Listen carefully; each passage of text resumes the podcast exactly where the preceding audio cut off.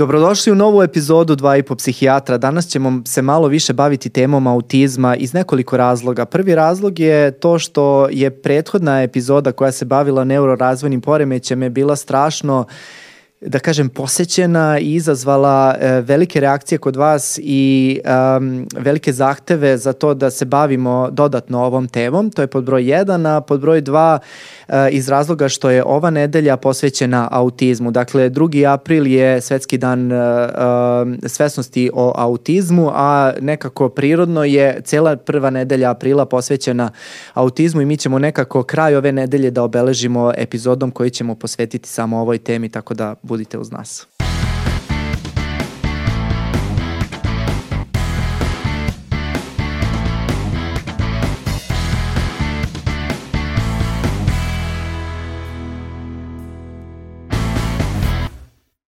Velika mi je čast da vam predstavim našeg današnjeg gosta. Sa nama je danas profesor Nenad Glumbić. Uh, profesor Nenad je redovni profesor na Fakultetu za uh, specijalnu edukaciju i rehabilitaciju u Beogradu. Uh, I danas ćemo malo se dotaći tema vezanih za autizam i malčice nepopularnih tema koje su povezane sa ovim stanjem. Uh, iz razloga što uh, danas uh, i dalje traje nedelja autizma, odnosno nedelja svesti o autizmu, pa ćemo se malo više posvetiti ovoj temi.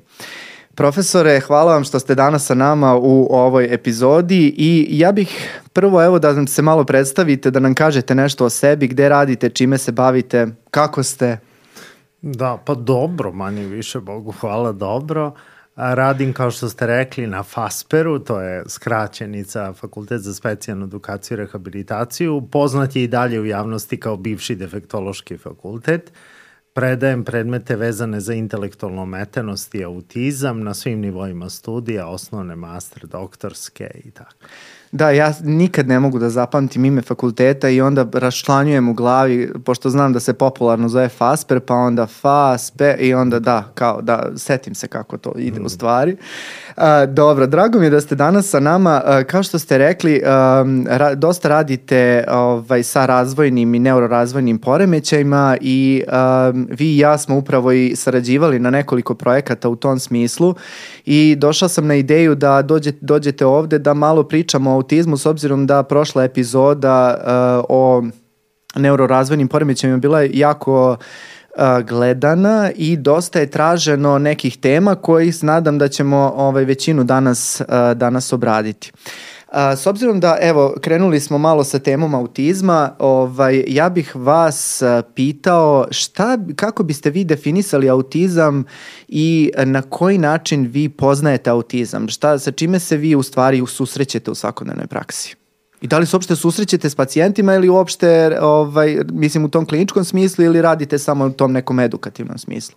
Da, ja osim što predajem autizam na fakultetu, radim i konsultativne aktivnosti, uglavnom sa roditeljima dece sa autizmom, susrećem se, to su praktično gotovo svakodnevne aktivnosti na tu temu. Uh, E sad šta bi bio autizam? Pa ja uvek krećem od onog školskog. Autizam je neurorazvojni poremećaj, jel? Kao što je i intelektualna ometenost, kao što je ADHD, poremećaj učenja, odnosno specifični poremećaj učenja, motorički poremećaj, komunikacijski, možda sam još po nešto zaboravio, intelektualna ometenost da, svakako. Da, da. Um, E sad, naravno, to je sve jedna velika grupa poremeće, ali autizam ipak nešto karakteriše, neke specifičnosti, a to su ona dva polja problema. Jedno, su, jedno je oblast socijalni, socijalne komunikacije, odnosno problema u socijalnoj komunikaciji i teškoća u toj oblasti, a drugo su stereotipije, dakle nekak stereotipni, repetitivni, znači ponavljajući obrazci, interesovanja i aktivnosti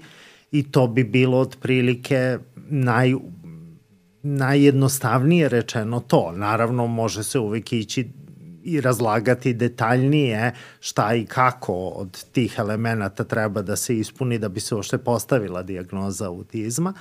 Ali sad ste me e, podsjetili na e, jednu situaciju. Svaki put kada počnem da pričam o autizmu, ja pitam studente šta im je prva asocijacija. Uh mhm. -huh. Dakle, kada ja izgovorim autizam, kad čujete reč autizam, šta vas asocira? Pošto su oni birali ovu profesiju, oni obično već imaju neka znanja, koje su negde pokupili i obično asociraju neki od simptoma koji su ključni za autizam i nekad se osvrnu možda i na neke specifične simptome koji nisu baš najvažniji za kliničku sliku, nekad pomenu one baš sržne simptome autizma. Međutim, dešava se, na primjer, da uh, kada ih pitam to, a šta vam je prva asocijacija na autizam, oni kažu, pa vi, na primjer. Tako da, i, i to je zanimljivo. A zanima me šta od simptoma, mislim, osim ovih core simptoma koje pretpostavljam, mm -hmm. mislim, kažem core je, jer je to ovaj anglosaksonski naziv, kod nas nekako mi to prevodimo kao sržni simptomi, jel? Mm -hmm. Ali ovaj, šta kažu, eto, ljudi kada tek, kada tek upišu defektološki fakultet, ovaj, koja im je prva asocijacija, koji simptom, baš me zanima. Pa najčešće stvarno navode te ključne, ključne. simptome. Mm -hmm. Dakle, povlačenje, nezainteresovano za druge, problem u komunikaciji, stereotip. Zanimljivo je da primećuju hipersenzitivnost kao Da, to je stvarno jedan, interesantno. Mm -hmm. onako izraženi simptom, jel? Uh, Međutim, neki imaju ideje da je autizam praćen agresijom, samopovređivanjem, što naravno može da se desi i dešava se, ali nije ključni simptom i nije neophodan za diagnostiku autizma. Da. Ili imaju, na primjer, ideju o savant sposobnostima ja pretpostavljam da je to uticaj hollywoodske produkcije i opšte te vrste medijske prezentacije autizma, pa im se nešto čini da bi te specijalne sposobnosti bila nekako uobičajene u autizmu. Mm, mm. Naravno da i one postoje i da su one i zanimljive na više različitih načina, ali sigurno nisu nužno obeleži autizma. Da, a zašto vi? Za, A zašto ih vi ja? podsjećate? Dobro, verovatno iz najbenignijih razloga zato što predajem taj predmet. Da, ja. da, da. A, nekako iz mog okruženja vrlo često me pitaju ljudi a, a šta je to autizam, mislim, na šta se to odnosi i onda ja njih pitam, pa dobro, šta vi mislite? Baš me je to zanimalo kao šta ljudi misle, šta je to i uh, valjda je prva asocijacija zbog samog naziva autizam, pa kao aut, kao osoba je isključena. Mm. Tako da uh, čini mi se da je dobro ovaj, uh, da, je, da je dobro taj još naziv sam nekako približava ljudima da stvarno jeste, to jeste jedan sržni simptom. Dakle, ovo što ste odmah na početku rekli, isključeno socijalne isključenost, znači slaba socijalna komunikacija, slaba, recipro, slab reciprocitet u socijalnim odnosima i tako dalje. Da, zanimljiv je termin Bloilerov, jel? Bloiler da. bira termin autizam da označi stanje koje nije autizam. Da, da. U vreme kada se autizmu još nije znalo kao posebnom posebnoj kliničkoj slici, pa onda Kanner i Asperger uzimaju u stvari Bloilerov termin da, da označe stanje koje oni primećuju kao Da, strašno interesantna ta istorija autizma i u, u stvari kako su naučnici u prošlosti objašnjavali ovaj, kako autizam nastaje. Jel biste mogli nešto, nešto da nam kažete o tome? Meni je to uvek interesantno da slušam. Da, pa uh, recimo najčešće se u literaturi pripisuje otkriće, da kažem uslovno rečeno, autizma Kanneru i Aspergeru. Dakle, mm -hmm. reč je o 40. godinama 20. veka, 43. odnosno 4. godini. I vrlo se često zanemari Suhareva, ruska autorka, koja je 26. u stvari opisala klasičnu sliku visokofunkcionalnog autizma, ono što će se godinama kasnije zvati Aspergerov sindrom. Mm -hmm. Međutim, ona, za razliku od Kanera i Aspergera, nije uopšte koristila termin autizam, Boilerov termin, mm -hmm. nego je to žil, zvala šizoidni poremećaj ličnosti u detinstvu. Kasnije će ona naravno se pridružiti svim ostalim autorima, pa i sama koristiti termin autizam. Kaner je, ajde da kažemo, rodonačelnik cele priče. On je 25. emigrirao u Ameriku, inače bečki jevrej, mm. s tim što antisemitizam još uvek nije bio toliko intenzivan u Beču tog doba, tako da je on otišao manje više iz ekonomskih razloga, ne baš iz tih trbukom, neki, trbukom za kruhom. Evo, prilike, jel? baš tako, da. Posle ću reći jednu vrlo zanimljivu anegdotu vezanu za Kanera i za njegovu interpretaciju nekih stvari koje su se dešavale u Americi. I on, u stvari, u tom nekom periodu od 38. do 43. eto tih nekih pet godina, skuplja analize nekih 11 slučajeva dece sa osobitim simptomima i tako i počinje taj njegov rad autistično ometenost afektivnog kontakta gde kaže da je ustanovio neki e, neki poremećaj koji je jedinstven, koji je fascinantan, koji je izuzetan. On je ushićen tim poremećajem u radu koji nema reference. To je zanimljivo, zato što se ni na koga ne poziva. Ne poziva Evo da. ja prvi rekao na tu temu. Ja? Ali pa isto... za, pazite, san snova za svakog istraživača, kako da vam kažem. Šta, da. Ali iako je Kaner bio zvezda već za svog života i znate i sami da se taj sindrom često zvao Kanerov, Kanerov sindrom, sindrom da. ili Kanerov autizam, zanimljivo sad deca koje dolaze iz Nemačke nekad imaju i dalje određenje Kanerov sindrom, da. vrlo zanimljivo. A, ali šta je, šta je e, odjek bio tog njegovog velikog otkrića? u Americi tog doba. Čutanje naučne zajednice. E, on kaže, ali ja sam otkrio, znate, to je posebna klinička slika, pa ispriča šta je to video, oni kažu, mhm, mm i mi smo to videli, to je žizofrenija. E, duši Kaner je sam verovao da je autizam rani oblik dečije šizofrenije. Mali ste pa mhm. imate šizo, autizam, veliki ste pa imate ovaj, šizofreniju. Da. da.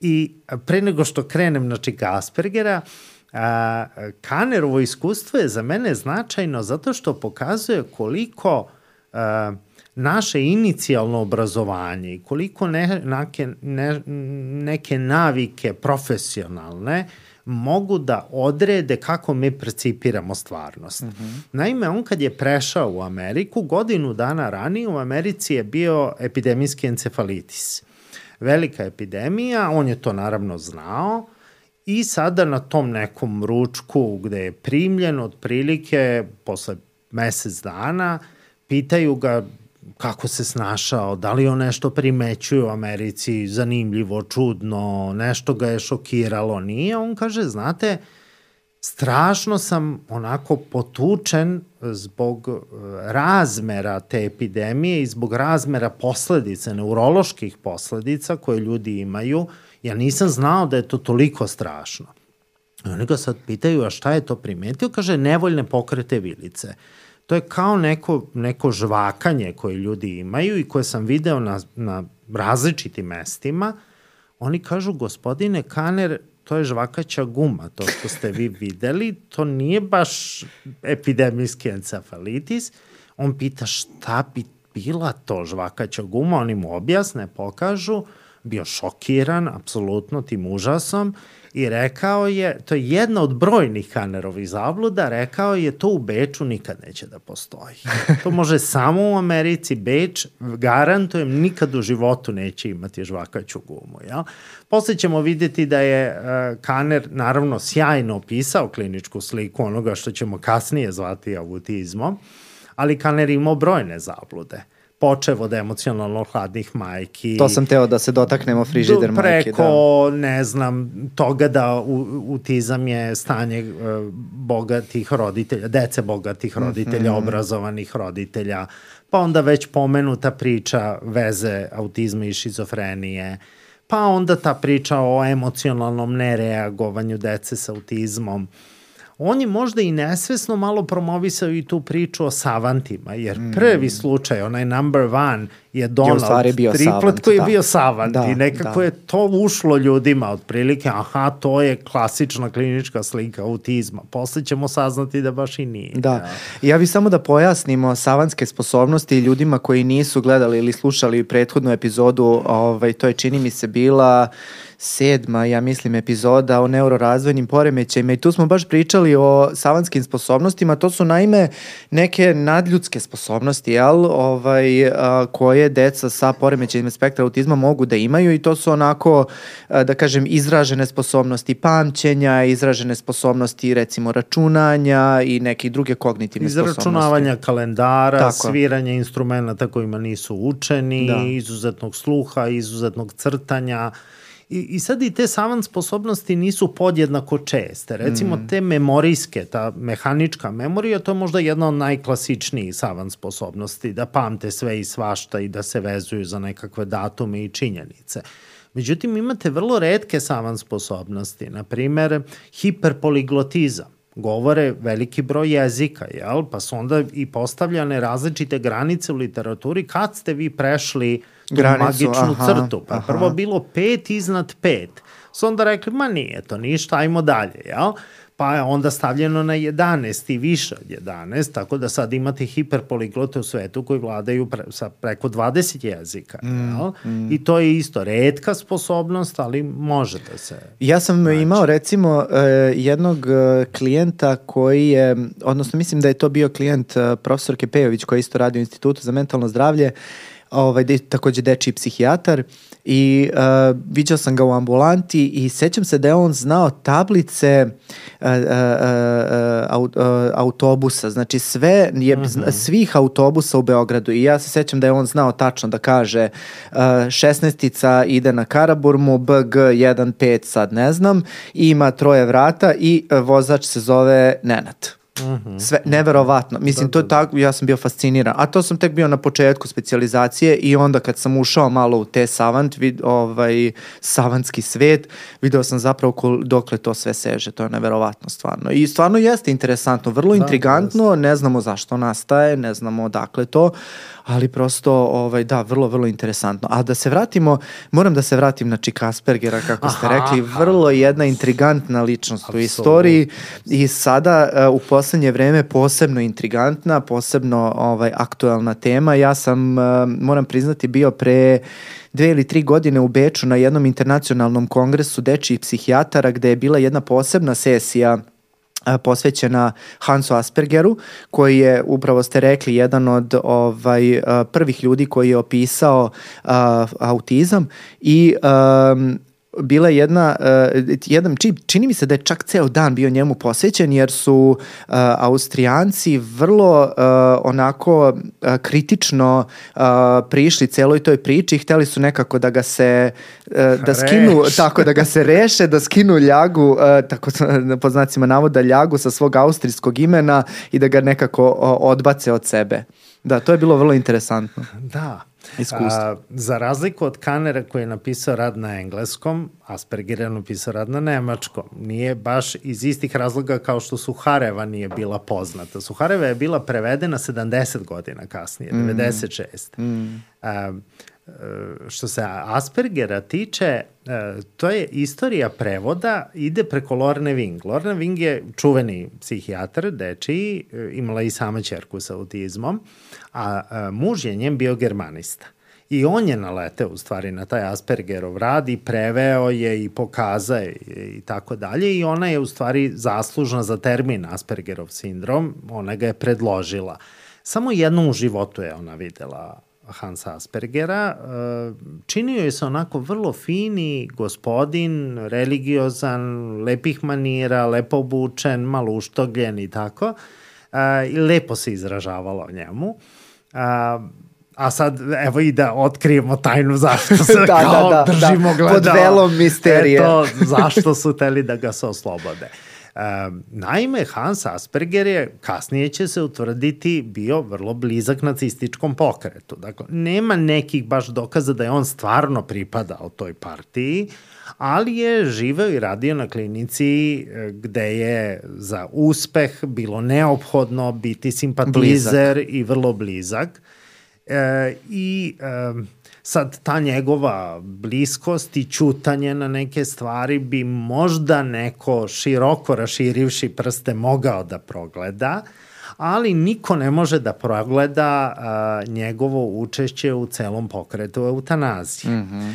Naime, e, Austrija kao anektirana jel, toga doba, e, zemlje je prihvatila sve one nacističke zakone. Ljudima možda nije poznato da biti hendikepiran u to vreme nije nužno značilo eutanaziju automatski, već je bilo potrebno da budete na takav način ometeni i takvog stepena da neće biti ekonomske koristi Tako od je. vas. Da to im je ne, otprilike, niste od, da, da, da, niste im od interesa. To je bila ideja. I onda su postojale prosto komisije koje su to utvrđivale. Bio je mislim niko nije dovoljno naivan da ne shvati da na njegove klinici na kojoj on radi nekoliko stotina dece umire od pneumonije. Mm. To je bio eufemizam za nasilnu smrt izazvanu lekovima koji su uticali na otkazivanje centra za disanje mm. suštinski I onda se otkrilo u jednom trenutku, postoje čak istoričari, ne samo autizma, nego istoričari Hansa Aspergera, jel, koji su našli nepobitne dokaze da je on vrlo direktno učestvovao u tome, potpisavši za neku decu praktično smrtnu kaznu, jel? Tako da nije ni čudo što pokušavaju da ga se malo onako liše, jel? Boga mi Bečlija ga cancelovaše, ja da vam kažem. Znači, da, uopšte da, da. nije bilo, nije bilo zezanje. Ovaj, vrlo je to bilo uh, celodnevno uh, odricanje, ja mislim, Aha. odricanje stručne javnosti od Hansa Aspergera upravo iz razloga što je ovaj, zbog ovih razloga koje ste vi naveli. I um, nakon toga uh, dolazimo do neke kao malo modernije jel, istorije a, autizma i gde se autizam po, pojavljuje u zvaničnim klasifikacijama našim. Da. Uh, kao perverzivni razvojni poremećaj i šta ti ja znam, sad bilo je svakakvih različitih tu ovaj, uh, klasifikacija i različitih simptoma koji su bili potrebni da bi se postavila dijagnoza. I na kraju smo od nekoliko došli do dva samo da ponovimo ovo s početka, dakle dva ključna kriterijuma, uh, socijalna inter, oslabljena socijalna interakcija i repetitivne radnje, odnosno specifična interesovanja i to su nekako dva ključna kriterijuma, ali svakako ne jedina. Dakle, i to je bitno da naglasimo da, da autizam mora da sadrži ta dva ključna kriterijuma, ali sa strane m, dosta različitih povezanih stvari karakteriše jedno stanje koje mi nazivamo jel, pod ovaj, poremećaj spektra autizma, onako jedan kišobran fenomen. A sad bih voleo da se dotaknemo toga šta znači a, os, šta znači taj, taj a, poremeće socijalne interakcije u praksi, kako Aha, bi to izgledalo? Da, da, da. Pa to bi sad DSM-5 rekao imate tri, morate da imate tri od tri, da. znači da bi se to i, ispunilo. Ali ljude to manje Što više svakog ne, ne interesuje, ne, ne na takav da, način. Ja? Da, da, da. Pa otprilike, na primer, osoba sa autizmom ne inicira komunikaciju sa drugima ili ima poteškoće da inicira ili ako pokrene komunikaciju to je zbog njenih potreba. Mhm. -huh ne znam, dodaj mi, donesi mi, uzmi mi, popravi mi, daj mi, jel? Ali nema te razmene, nema tog reciprociteta. Dakle, ja se nasmejem, on se nasmeje. To se nekad vidi još kod beba, još u prvoj godini života nema te razmene, mm -hmm. da, da beba odreaguje na brbljanje druge, drugog osobe ili na osmeh druge osobe. To je jedna vrlo upadljivi karakteristika autizma. I sad mi svi znamo kad ima problem u komunikaciji, neko ko je, na primjer, nagluv ili ko ne zna dovoljno jezik, on maše rukama i nogama, ne morate učiti znakovni jezik, nego spontani gest koristiti, jel tako? Pa probamo da kompenzujemo taj nedostatak naše komunikacije neverbalnom komunikacijom. Mm. E, osobe sa autizmom imaju i tu vrstu problema. Mm -hmm. Dakle, ne hvataju kontakt pogledom, e, to se vrlo često pogrešno interpretira, oni izbegavaju. U stvari nije baš najbolji termin izbegavaju, tačnije rečeno ne čitaju dovoljno informacija iz lica druge osobe i zato nemaju potrebu da da komuniciraju na taj način. Onda nije usklađena, mi kažemo integrisana verbalna i neverbalna komunikacija. Dakle, nekako kao da su to dva zasebna sistema e, pokreti rukama, gestikulacija, facijalna ekspresija, dakle izraz lica, može biti hipomimično lice, dakle sve to bude nekako izmenjeno i ono što je vrlo upadljivo za decu, deca po pravilu organizuju nekakve zajedničke imaginativne igre. Dakle, oni se ne igraju samo motoričkih igara. Mm -hmm. Čak i kada imaju motoričku igru, oni uvek ubace taj imaginativni element. U smislu jure se kao to, skaču, Na primer, preskaču. ali mm -hmm. sećam se kad je počela korona. E, u već u onim prvim danima epidemije video sam grupu dece koja se jure E, I sad jedno dete dodirne drugo i kaže korona, ti si korona i sada ovaj juri ovog drugog i on je korona. Jel, ta igra je dosta jednostavna, dakle one šuge što su šuge, se nekad šuge, zvalo da, i te da, stvari. Da, da. Dakle, dominantno motorička, ali u toj motoričkoj igri postoji taj jedan imaginativni element mm -hmm. oko čega se sustiče cela igra. Malo nesrećan u ovom slučaju, ali pa, dobro. Bože moj, da. Pa uvek je on aktualizovan na neke načine, Da, da, jel? da. E, toga u autizmu manje više nema. Dakle, Mhm. nemamo tu simboličku igru na takav način, imaginativnu igru. Obično su to deca koja samo prihvate drugo dete, posmatraju ga sa strane, nekad se uopšte ne interesuju za drugu decu, Ako organizuju igru, to bi bila ta motorička igra, neka vrsta možda razmene, ja uzmem neku igračku, eventualno pristanem ili ne pristanem da neko od mene uzme tu igračku, ali suštinski ne organizujem tu neku vrstu interakcije sa drugim ljudima. Jel? Mm -hmm. I sad naravno uvek ljudi imaju uh, mišljenje šta je sa tom komunikacijom globalno rečeno, da li deca sa autizmom uopšte govore. Mm -hmm. uh, pa pošto je spektar u pitanju, može sve da bude. Dakle, mi imamo neverbalnu decu sa autizmom i ne samo decu, odrasle osobe mogu biti neverbalne. Postoje oni koji su minimalno verbalni, koji, Koni Kasari kaže, to vam je otprilike do dvadesetak funkcionalnih reči. I naravno postoje oni koji su izuzetno verbalno sposobni. Visoko funkcionalni mogu imati potpuno netaknut onaj deo govora koji se tiče strukturalnih aspekta jez, aspekata jezika, dakle gramatike, morfosintakse i šta znam, ali njima nedostaje pragmatika. Mm -hmm. To je govor u socijalnom kontekstu da znaju šta treba da kažu, kada je prikladno nešto da kažu, koliko treba da blizu stanu, na primer, te, te neverbalne aspekte, da razumeju ironiju, da razumeju sarkazam u govoru, da razumeju neku vrstu prevare, to, to je njima veoma teško. Da, i čini mi se da tu u svakodnevnoj praksi upadamo u neke, uh, neke zamke. Vrlo često ne shvatamo uh, mi koji smo, uh, da kažem, rođeni neurotipični i kojima je to nekako uh, spontano došlo, da kažem, i nekako prirodno nam dato, ne shvatamo koliko je u stvari ceo taj svet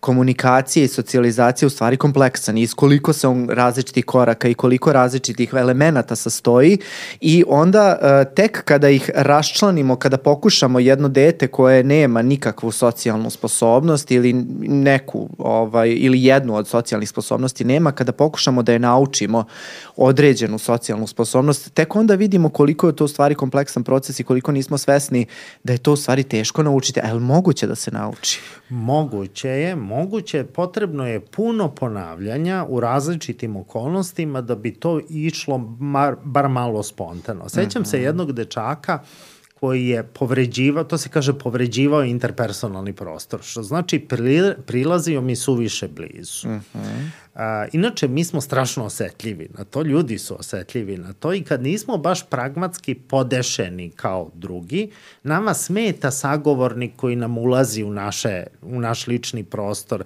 Znate, imate one ljudi koji vas nešto čačkaju dok pričaju. Ne, apsolutno razumem, nemojte šta mi objašnjate. Ne, znači, ne, ne, nešto, bi radio, nešto bi radio sa nama, skidao nevidljive mrvice sa nas, da, motao da. nam dugmiće i te stvari.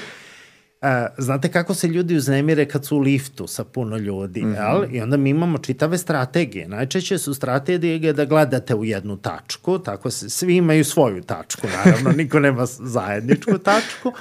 Ili drugo da časkate o nekim glupostima samo da, da stignete što. Da prođe. Da. E sad taj dečak, na primjer, on je stalno meni prilazio i ja sam njega učio da to tako ne može i dajem mu pravila. Kruta pravila, ti možeš da priđeš najviše na udaljenost jedne ruke, pokaže mu kako to izgleda otprilike, dotle možeš da priđeš i on sledeći put dolaze i kaže zdravo, onda ovako odmeri, Izmeri. jel? i onda stane I to je dugo, dugo trajalo dok je on nije isklonio tu ruku i to uspeo da nauči.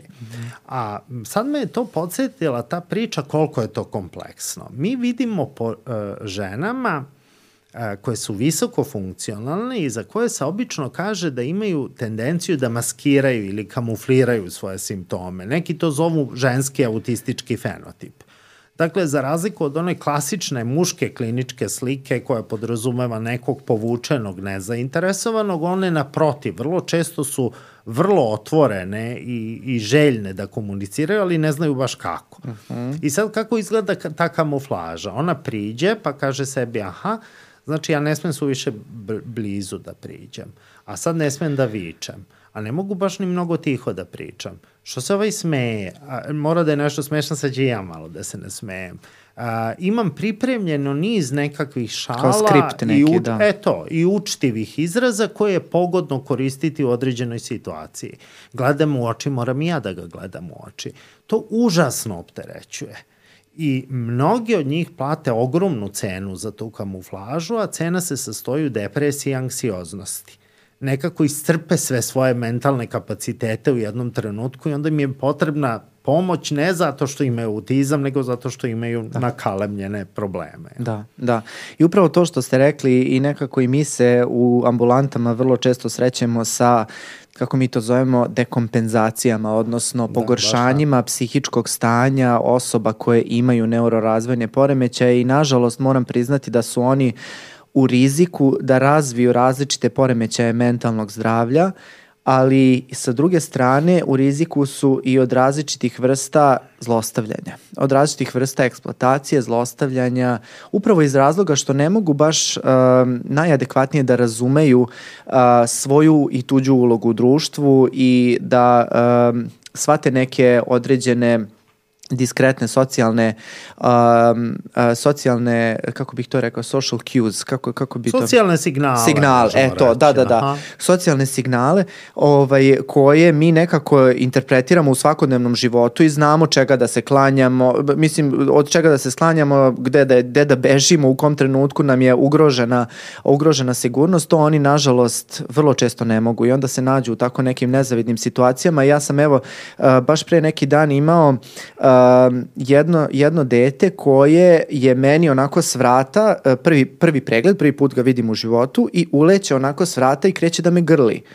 I sad, uh, kako da vam kažem, mi ne grlimo decu, u, iako su vrlo često jako simpatična i slatka, ali nekako to nije baš prikladno i ne vole svi roditelji da im se deca grle.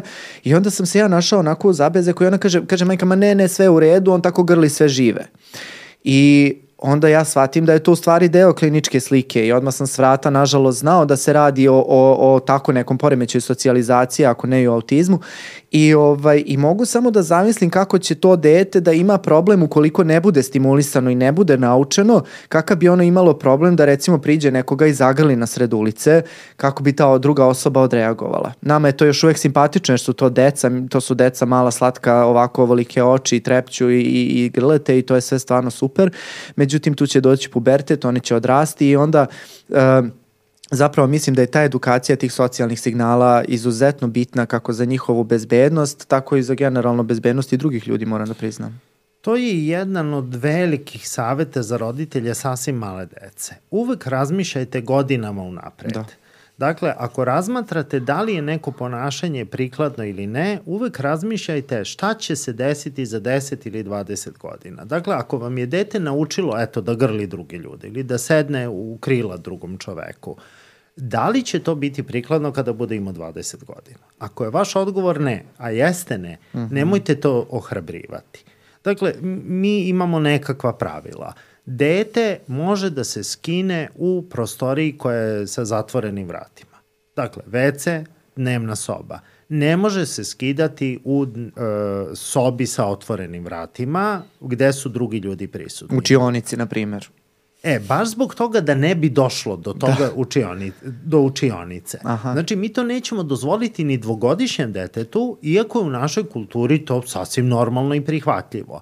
Kad je autistično dete u pitanju nije prihvatljivo, upravo da bismo prevenirali ovakve neke mm -hmm, stvari. Mm -hmm. Isto, mi pravimo takozvane krugove bliskosti. To su najčešće koncentrične kružnice, gde je u centru kružnice dete sa autizmom, pa onda idu roditelji, pa idu članovi šire porodice, pa poznanici, pa potpuno nepoznate osobe i sad se zna šta se sa kim može. Koje vrste dodira, koje vrste kontakata su dozvoljene ili nisu dozvoljene i dobro je na tome raditi od najmlađih dana upravo zato što je to populacija sklona svakoj ob, ob, svakom obliku viktimizacije, dakle neko, neke vrste zlostavljanja iskorišćavanja, pa i seksualnog, i zašto to ne bismo sredili na vreme, prevenirali na vreme. Inače imam jednu isto anegdotu u vezi sa tim, sećam se jednog dečaka ko, s kojim je to sve po PS-u rađeni ti krugovi bliskosti i sad je on porastao od raslog čoveka i došao je do nekakvog urološkog pregleda jer ima je tu neku vrstu problema. E, pri tome urolog ne zna o čemu se radi, ne zna da on ima neki drugi problem, poremeće, jel, on prati njegovo zdravstveno stanje i svoje oblasti i nakon pregleda on njemu kaže e, izvinite, da li ste vi lekar u ovlašćenoj zdravstvenoj ustanovi? A to tačno znam zašto je pitao, zato što je on učen tome. Dakle, Baš jed, na taj način. Po, postoje izuzeci, a izuzeci su 1, 2, 3. E sad, to. Jedan je lekar u ovlašćenoj, ovlašćenoj zdravstvenoj ustanovi. Mogu da zamislim kako se ovaj čovek začudi, on je rekao, pa ja sam urolog, a ovo je klinički centar. Nije naravno to njemu do, dovoljno, dovoljno, jer to je implikatura takozvana, dakle on je odgovorio, ali nije direktno odgovorio. On kaže, Dobro, da li ste vi lekar u ovlašćenoj zdravstvenoj Da, ja sam lekar u ovlašćenoj zdravstvenoj Dobro onda ovog puta neću da vas tužim, jer ovde je, boga mi, bilo svakakvih dodira u proteklom oh. periodu, jel? ali je otprilike ukapirao da ne spada on u, u te... U tu što problematičnu tužiti, grupu, jel? da, da, da. A zanimljivo mi je to što kažete koncentrični krugovi, jel, jel to bukvalno tako izgleda? Vi im stvarno nacrtate kružnice, da, da, jel? Da i onda ili pišemo ili još češće lepimo sličice. Mm -hmm. Znači, ovo si ti, ovo su mama, tata, ovo je, ne znam, komšinica, ovo je ne znam ko, jel? I isto tako kao što vi kažete, ja nema šta da mazim dete sa autizmom. Mm -hmm. E, ako ima potrebu za telesnim kontaktom, mi to odmah ugovorimo da ja nema njemu mogu da pružim ruku. I to je okej. Okay. Mm. I onda to dogovorimo i sa recimo vaspitačicama u vrtiću. Vaspitačice u vrtiću maze decu i to je okej, okay, to je u našoj kulturi prihvatljivo. Mm. Ali ako se one informišu da to za njega nije dobro, odnosno neće biti dobro u jednom trenutku, ona isto to. Može telesni kontakt da svede na rukovanje, na nešto što će biti prihvatljivo i dalje u životu. Mm -hmm. Uh, jako interesantno taj deo oko socijalnog kontakta, ali Takođe, vrlo interesantan pojam su ta specifična interesovanja i repetitivni mm -hmm. pokreti i ostale stereotipne radnje, koja je drugi sržni kriterijum. Mislim da bismo se toga takođe mogli dotaći i ovaj, uh, ono što je onako naj kako bih rekao, najkarakterističnije i ono što otprilike svi znaju, pogotovo ovaj, majke male dece koje imaju ovaj, neko vrsto kašnjenja, pa znaju za te stereotipne pokrete u vidu lepršanja ručicama, vrćenja u krug, skakutanja u mesto i tako dalje. To su neke najčešće. A da li ste vidjeli neke onako uh, posebne, pošto ih ima, opisani su razni, ali ne znam šta, ili imate neku asocijaciju? sam, da, e, viđao sam, prvi put sam vidio dete, e, inače stranog porekla, koje je lizalo televizor mm -hmm. i to na jedno vrlo specifičan način. Nju je izgleda stimulisalo ono pucketanje, onaj statički elektricitet, jer ona je prilazila TV-u ekranu na otprilike par milimetara mm pre te površine. Ne baš staklo. Dire, e, upravo mm -hmm. to, ali bila je vrlo, vrlo blizu. I, na primjer, posle, to sam prvi put video, a posle sam par puta video takvo, na primjer, ponašanje. Prilično redko, mm, na primjer, mm. ali eto, to je neki stereotip. Ili mogu imati te, mi kažemo, idiosikratičke. Znači, stereotipe koji su vrlo karakteristični za tu konkretnu osobu, jel? Mm. Ono što viđamo jesu ta neka, ta ljuljanja, jel, ti neki motorički stereotipi, lupkanja, udaranja delova tela ili šta zna šta se rade, mogu da budu vokalni stereotipi, mm. pa u stereotipe spada i eholalija čuvena, jel, mm. ponavljanje tuđih reči, može da bude trenutna, može da bude i odložena, mogu da ponavljaju nešto što su čuli ko zna kada, pre deset godina otprilike i sad ako ne razumete kontekst, uh, vi u stvari uopšte ne znate o čemu oni pričaju. Nekada možete i da naslutite da je to iz nekog crtanog ili iz neke muzike ili šta znam, jel? Mm -hmm. Takozvani skriptovi, jel? Da od prilike, mm -hmm. da. Pričamo, evo, samo da kažemo da nijedan od ovih pojedinačnih simptoma od kojih sad govorimo nije siguran znak mm -hmm. autizma. Nekad mm -hmm. se ljudi strašno uplaše, pa kažu da nije autizam, dete mi ima eholaliju, mm -hmm. jel? Ponavlja. E, deca i tipične populacije čak ponavljaju. Imao sam jedno dete, recimo... Ma i odrasli, da vam kažem. To, pa dobro. da. Uh, imao sam recimo jedno dete nedavno iz Nemačke, bilingvalno okruženje, uh, i on je eholaličan na nemačkom, a na srpskom nije. Nije. da. Što je jasan znak da je on u stvari nebalansirani bilingval, on ne zna dobro nemački i sve što ume da kaže je da prepozna reč i da je ponovi i to bi bilo otprilike to, ali to nije simptom nikakvog poremeća, mm. nego prosto njegove jezičke kompetencije na nemačkom, jel? Mm. Dakle, osim, ajde da kažemo, tih ponavljajućih, repetitivnih aktivnosti, imamo te rutine, rituale koji mogu da budu nekad i vrlo ozbiljni, jel? Mm. Prosto da zarobe dete, nekad i kažemo to, prosto je zarobljen u stereotip, mm. stalno isto, i isti hod, do škole, isti put, nekad i otpor prema promenama, mm. tako, koji sve to prati, i jedu istu hranu, oblače istu odeću i šta znam. Onda imamo naravno uska ograničena interesovanja, nekad su ona atipična samo po intenzitetu. Dakle, prosto predugo i premnogo to radi. Mm. Nije to nešto specifično, atipično, ali predugo. A nekada su atipična i po, po fokusu, to znači bira nešto kao predmet interesovanja što nije baš tipično, jel?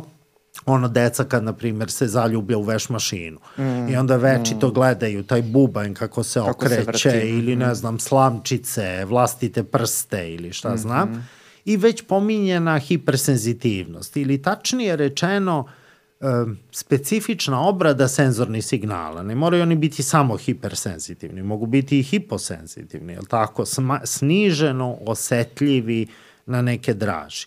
Što recimo, evo sad da se vratimo na tu istoriju, um, uvek se ljudi pitali, dobro, a pre Kanera i Aspergera, ili mu neko autizam? Pa verovatno da je imao, jel? Prosto nije bilo opisano kao klinička slika. A onda ljudi vole malo da preteraju, pa onda svakome nalepe tu diagnozu, pogotovo u poznatim ličnostima. Mm. Mislim da je najstrašnije u životu prošao Einstein. A da jo, jeste, on, on je sve on ima sve.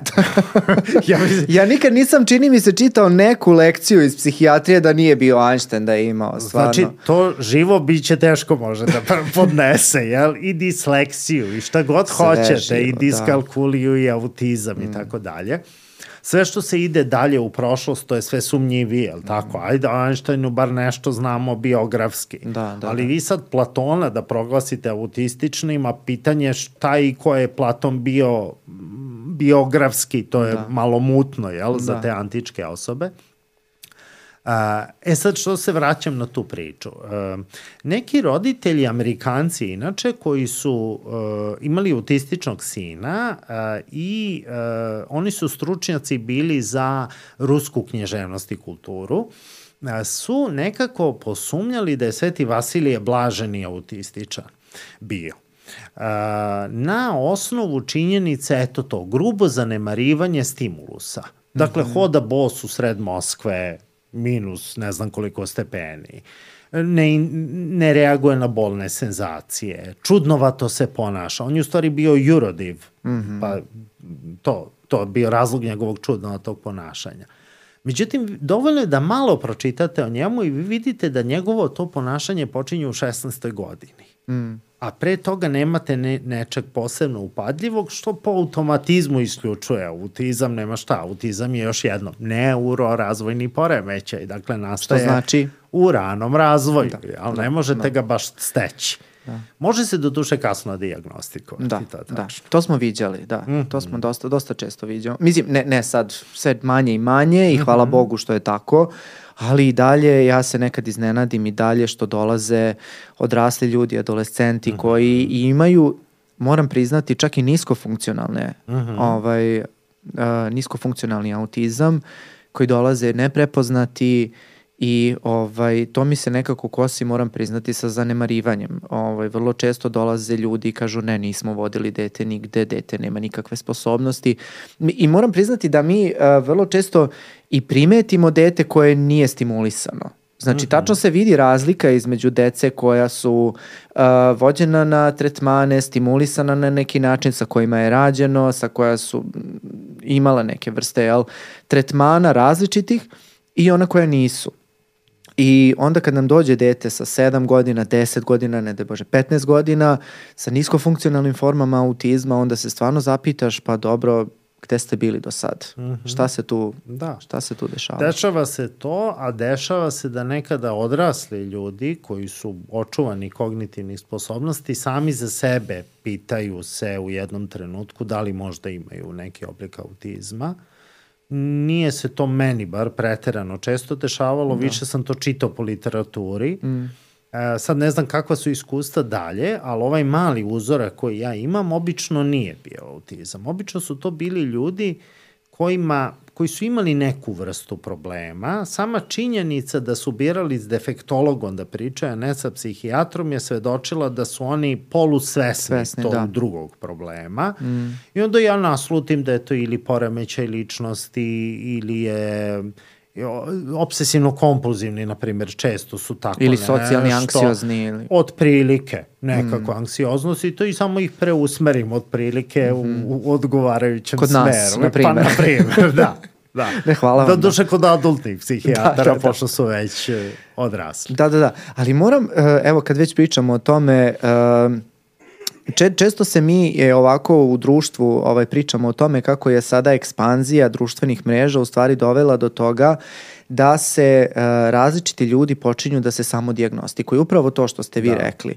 I uh, sada je, čini mi se, vremenom postalo sve interesantnije i interesantnije pričati se i diagnostikovati se kao određeni psihijatrijski poremećaj i jedan od njih, nažalost, jeste autizam. I um, I sada je tu dovelo do čini mi se velike disproporcije između uh, niskofunkcionalnih i visokofunkcionalnih autizama i ljudi koji zapravo nisu autizam, ali se identifikuju kao autistični ljudi, što onda pravi problem ovoj celoj drugoj uh, da, drugoj drugoj populaciji. To nije fair prema njima. Nije fair. Da, da, da. da. I moram priznati, evo ja uh, rekao sam već u nekim prethodnim epizodama da sam instalirao TikTok i iskreno uh, samo zbog uh, pacijenata jer mi nije bilo jasno dobro šta se tu dešava na tom TikToku pa je toliko interesantno, malo sam se i navukao u sa celom tom procesu, ali to je daj druga tema. Ja se još držim, nisam. držite se, držite da, se, da, vrlo adiktivna mreža i ovaj, napravljena vrlo strateški dobro da, da, te, ovaj, da te baš dobro onako navuče na svoju vodenicu i ovaj, gledajući ja moram priznati, ne znam da li me algoritam prepoznao kao dečijeg psihijatra ili šta je, ali dosta mi je izlazilo ljudi koji su sebe diagnostikovali, odnosno pričali su o svom autizmu, a nekako kroz kameru vidiš da, da. ako si ikad u životu radio sa autizmom, vidiš da nema veze sa autizmom. Ja sam 2010. bio na svetskom kongresu autizma u Meksiku to bude recimo oko 2000 učesnika i to je bio jedan čovek koji je tvrdio za sebe da ima autizam I čak mislim da je njemu posebno zadovoljstvo predstavljala ideja da može da prevari stručnjake iz sveta za, baš za autizam, time što će se pojaviti na svetskom kongresu autizmu i tvrditi za sebe i da mi još treba da mu poverujemo. Mm, da mi klimamo glavom. Ja, da... otprilike. I dobro, ja pretpostavljam da njemu mnogo lepše zvuči autizam nego psihopata, ali šta da vam kažem, nema čoveka autizam, vidi se iz aviona. da, da. E, ja moram priznati, gledam uh, za mislim da su bile potrebe nekog uh, istraživanja i ovaj, nešto sam se bavio YouTube-om, društvenim mrežama i sad ja na YouTube ukucam autizam. I izađe mi TED Talk, jedna ovaj, vrlo harizmatična gospođica koja je pričala o svom autizmu i bila je vrlo nekako uh, veliki zagovornik autizma i govorila je o tome kako Uh, I dotaćemo se, dotaćemo se teme neurodiverziteta i mislim da je strašno bitno da malo o tome priča, popričamo sa vama, ali uh, pričala je o svom neurodiverzitetu, o tome kako je ona u svemu tome posebna i nesvaćena i kako ovaj, bi trebalo, iz, bilo je svakakvih tu tema, u svakom slučaju pričala je između ostalog o, o tome kako ona ima veliki strah od tržnih centara zato što su oni strašno bučni i uh, imaju strašno mnogo ljudi. I sad ja kao, dobro, slažem se da ima stvarno veze sa autizmom, možda, možda ja ne vidim nešto, možda meni nešto propuštam ovaj, u tom celom njenom nastupu, Ovaj, međutim, e, odgledah video do kraja i na kraju, e, onako, izdvojena kamera, cela publika i ona i sad kreće gromoglasni aplauz da ljudi aplaudiraju i ona koja bez ikakve reakcije, kako da vam kažem, uh, pazite, ogromna sala sa milion ljudi koji gromoglasno aplaudiraju na njenom govoru i ona onako koja se smeje, gleda ih, uh, poklanja se i odlazi u miru. I kao, gde je sad taj strah od uh, buke i velikog broja ljudi? Ništa mi nije bilo jasno. Da. Da. Pa ima, ima tih očiglednih manipulacija time. Mislim, pretpostavljam da su vrlo različiti motivi ljudi A mene zanima Za- zašto. zašto? Za, za, mislim, evo, ok, jedan meni nekako vrlo očigledan motiv jeste da je uh, to sada cool. Nekako dobijaš veliku um, grupu pratilaca, ako se identifikuješ tako i napraviš svoj uh, profil na nekoj društvenoj mreži, pa eto sad imaš neku, ako se još pogotovo, ako se ne osjećaš nešto preterano posebno u svetu, pa eto da dobiješ sebi neki malo edge, što bi rekla mlađa populacija, znači dobiješ malo neki onako, ovaj, neku posebnost, pa onda prikupiš i tu neku publiku, pa onda ovaj, imaš i o čemu da pričaš, o svojim uh, poteškoćama i tako. Znači to, to vidim kao jedan, ovaj, kao jedan razlog.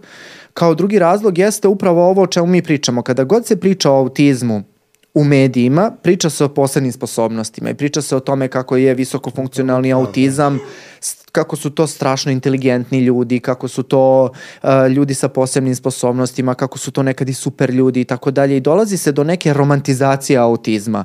I upravo što ste i rekli na početku, to je hollywoodska priča, to su različite, jel, ima sad i na Netflix onaj uh, film, uh, serija Atypical koja prikazuje onako autizam sa prilično onako neke romantizovane, uh, romantizovane perspektive i onda eto i to se uklapa sad. E, e, posto što ja to ne bi bio malo da... I još mi to daje malo i opravdanje za, za neke moje uh, prethodna, prethodne stvari u životu koje jesam ili nisam ispunio ili za neke moje nedostatke koje imam ili nemam i tako mi ovaj daje to nekako ovaj vetar u leđa za ili, ili neko objašnjenje i da budem sam sa sobom ovaj zadovoljan.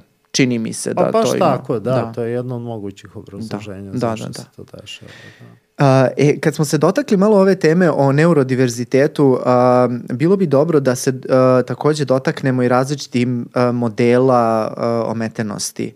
Jer biste mogli nešto više da nam kažete o tome? Da, istorijski gledano prvi model ometenosti je taj moralni model ometenosti, odnosno ideja da je ometenost ili posledica greha nekog prestupa samih roditelja, članova porodice, predaka ili obrnuto da je dete sa autizmom ili bilo kojom ometenošću došlo na svet kao neka vrsta iskušenja.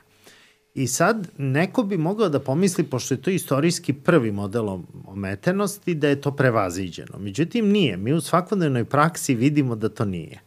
E, meni se gotovo redovno dešava da roditelji koji su nedavno saznali da dete ima autizam ili bukvalno pre pet minuta, Da. E, postave jedno isto pitanje. Samo da vas pitamo da li smo mi bilo šta uradili mm. da smo to doveli do toga. Dakle, samo se sadržaj te priče menja, forma ostaje ista. Mm. Dakle, nije više greh, prestup, nego je, na primer, ne znam, uradili smo nešto, neku aktivnost smo sproveli. Sećam se jedne mame koja je inače vrlo racionalna osoba, koja je stalno ponavljala rečenicu ja sam ovo uradila. Mm -hmm. I onda sam ja morao da je pitam a šta ste to tačno uradili, odnosno kako ste, još više me interesuje kako ste uradili. Kaže, on je bio tako um, nemiran i stalno je nešto pričao i zamajavao me i ja sam nešto važno morala da uradim i vrzmao se oko mene i ja sam ga pogledala i rekla sam mu učuti. Mm. I on je učutao. Ne tog sekunda, ali na primjer za mesec dana, dakle reč je o regresivnom tipu autizma, to je dete jel, koje je imalo tipičnu ili prividno tipični razvoj i onda regrediralo. I sad, naravno ona na nekom svesnom nivou vrlo dobro zna da ona nije mogla to da napravi, nema ona baš tako nadljudske moći, ali ona ne može da se oslobodi te vrste krivice. Mm, mm. I obrnuto, ta priča o tome da nečemu služi to što je... Dakle, ljudi se uvijek pitaju zašto ja, zašto baš meni? Pa to je bazično ljudsko pitanje od pravednog Jova i starog zaveta do, do jutro, sad mm, tako? Mm. I sad ima jedno mnogo lepo istraživanje koje je rađeno kod ultraortodoksnih jevreja koji imaju decu sa autizmom. I sad, oni sprovode taj religiozni ritual, izučavaju Toru, dobijaju dete sa autizmom, dete sa autizmom niti izučava Toru, niti će ikada izučavati, niti može da se prilagodi tom ritualu. Tome, I oni se svi pitaju šta se desilo, zašto se ovo meni desilo, je to neka velika sramota u mojoj zajednici, a dete ne smem ni u sinagogu da odvedem, ko zna šta će tamo da napravi, tako. I zanimljivo je kvalitativne studije koje su rađene. To su ljudi koji nikakvog međusobnog kontakta nisu imali, znači nisu mogli da se kontaminiraju svojim stavom. Oni svi dolaze do potpuno istog zaključka. Mm. Moje dete ne izučava Toru jer mu ne treba, ono zna. Mm -hmm. Ono je poslato kao uh, iskušenje zato što je Bog znao da mi to možemo da izdržimo. Lako je onim jadnim jevrejima koji možda nisu dovoljno snažni i mm. jaki da to izdrže, ali mi smo prepoznati kao izabrani. I sećam se, evo da ne idemo na zajednicu ultraortodoksnih ultra jevreja, imamo naš primer, uh, sećam se jednog tate, on sad ima odraslog čoveka, sina od 40 kusur godina sa autizmom, meni je rekao, znate, ja sam ukapirao zašto ja imam autističnog sina. Ja kažem, zašto? Kaže da bi ja bio bolji čovek. Hmm. I to je lepo obrazloženje. Naravno, neko će reći, ma to je žestok mehanizam odbrane, da. jel? Svesno sam ja toga, ma, jel? Sad mi se neke lampice pale. Ali, da, da. otprilike, to jeste jedno od mogućih obrazloženja zašto ljudi sebi daju odgovor na to pitanje ako sebi postave tu vrstu pitanja, da. jel? A sad se vraćam na te modele. Jedan od starih modela ometenosti je taj medicinski i kasnije iz njega izrastao rehabilitacioni model ometenosti, a posle opet bismo rekli delimično prevaziđen, ne potpuno prevaziđen socijalnim modelom. Mm. Da uprostim krajnje. Dakle, ako neko je korisnik invalidskih kolica zato što ima paraplegiju, prema medicinskom modelu ometenosti on je zbog toga hendikepiran. Dakle, hendikepiran je zato što ne može da se kreće. Mm -hmm. Međutim, prema socijalnom modelu, njegova a, paraplegija, njegovo oštećenje kičme je samo biološka činjenica. To je njegova medicinska dijagnoza. Kad je on hendikepiran? Kada ne može da uđe u poštu, ne može da uđe u banku, kada naiđe na prepreke, bez obzira da li su te prepreke fizičke ili su stavovi, na primjer, mm. negativni stavovi prema njegovom stanju. To bi otprilike bila oštara razlika između medicinskog i socijalnog modela. Faktički, znači osoba je hendikepirana u određenom kontekstu. Upravo to. Mm -hmm. U jednom vrlo jasno definisanom socijalnom kontekstu, mm -hmm. tako? I sad imate tu čuvenu priču terminološku. Da li je autistična osoba ili osoba sa autizmom? Mm. Jel? Kao ono kad završimo u bolnici pa ide konzilijum od kreveta do kreveta, pa ja sam to recimo u jednoj našoj prestižnoj klinici imao iskustvo da pokažu na mene, kažu ovo je žučna kesa, jel? Ja sam inače sjajno prošao jer ovaj do mene je bio kila, A, ali kažem vam, to, to se prosto dešava, to ljudi rade po automatizmu, ja znam da oni ne žele nikud uvrede, nego su prosto navikli tako da pričaju, jel? E onda smo mi u okviru tog socijalnog modela rekli, ma ipak osoba mora na prvo mesto. Mm. Dakle, osoba sa autizmom, možda ste primetili, ja tako govorim, ja da. sam tako treniran da govorim, jel? Osoba, dete sa autizmom, sa ovim, sa onim, jel? E, ali umeđu vremenu je došao taj pokret neurodiverziteta koji kaže autizam je stanje i oni ne kažu autism spectrum disorder, nego condition, mm. tako? Mi smo neuromanjina, postoji neurotipični koji su neurovećina. To što smo mi neuromanjina, to vam je recimo ko etnička manjina ili seksualna manjina ili šta znam, a vi nemate prava da na nas gledate kao na predstavnike poremećaja. Mm. I jedan od zastupnika tog pokreta kaže, izvinite, a što vi ne kažete osoba sa ruskošću? Ili o, za Rusa. Mm. Ili osoba sa katolicizmom za katolika. Nego kažete katolik, Rus, zato što ne smatrate da je Rus loše, mm. da je katolik loše, jel? Pa prema tome, ako mislite da autizam nije nešto loše, što ga gurate na drugo, treće mesto. Ja sam autistična osoba i to je obeležje moje ličnosti. Jel? Može se i tako posmatrati. I sad u okviru tog neurodiverziteta je čitava priča, to su obično ljudi koji su visoko funkcionalni, mm -hmm. naravno ne svi, ali neki od njih, mm -hmm.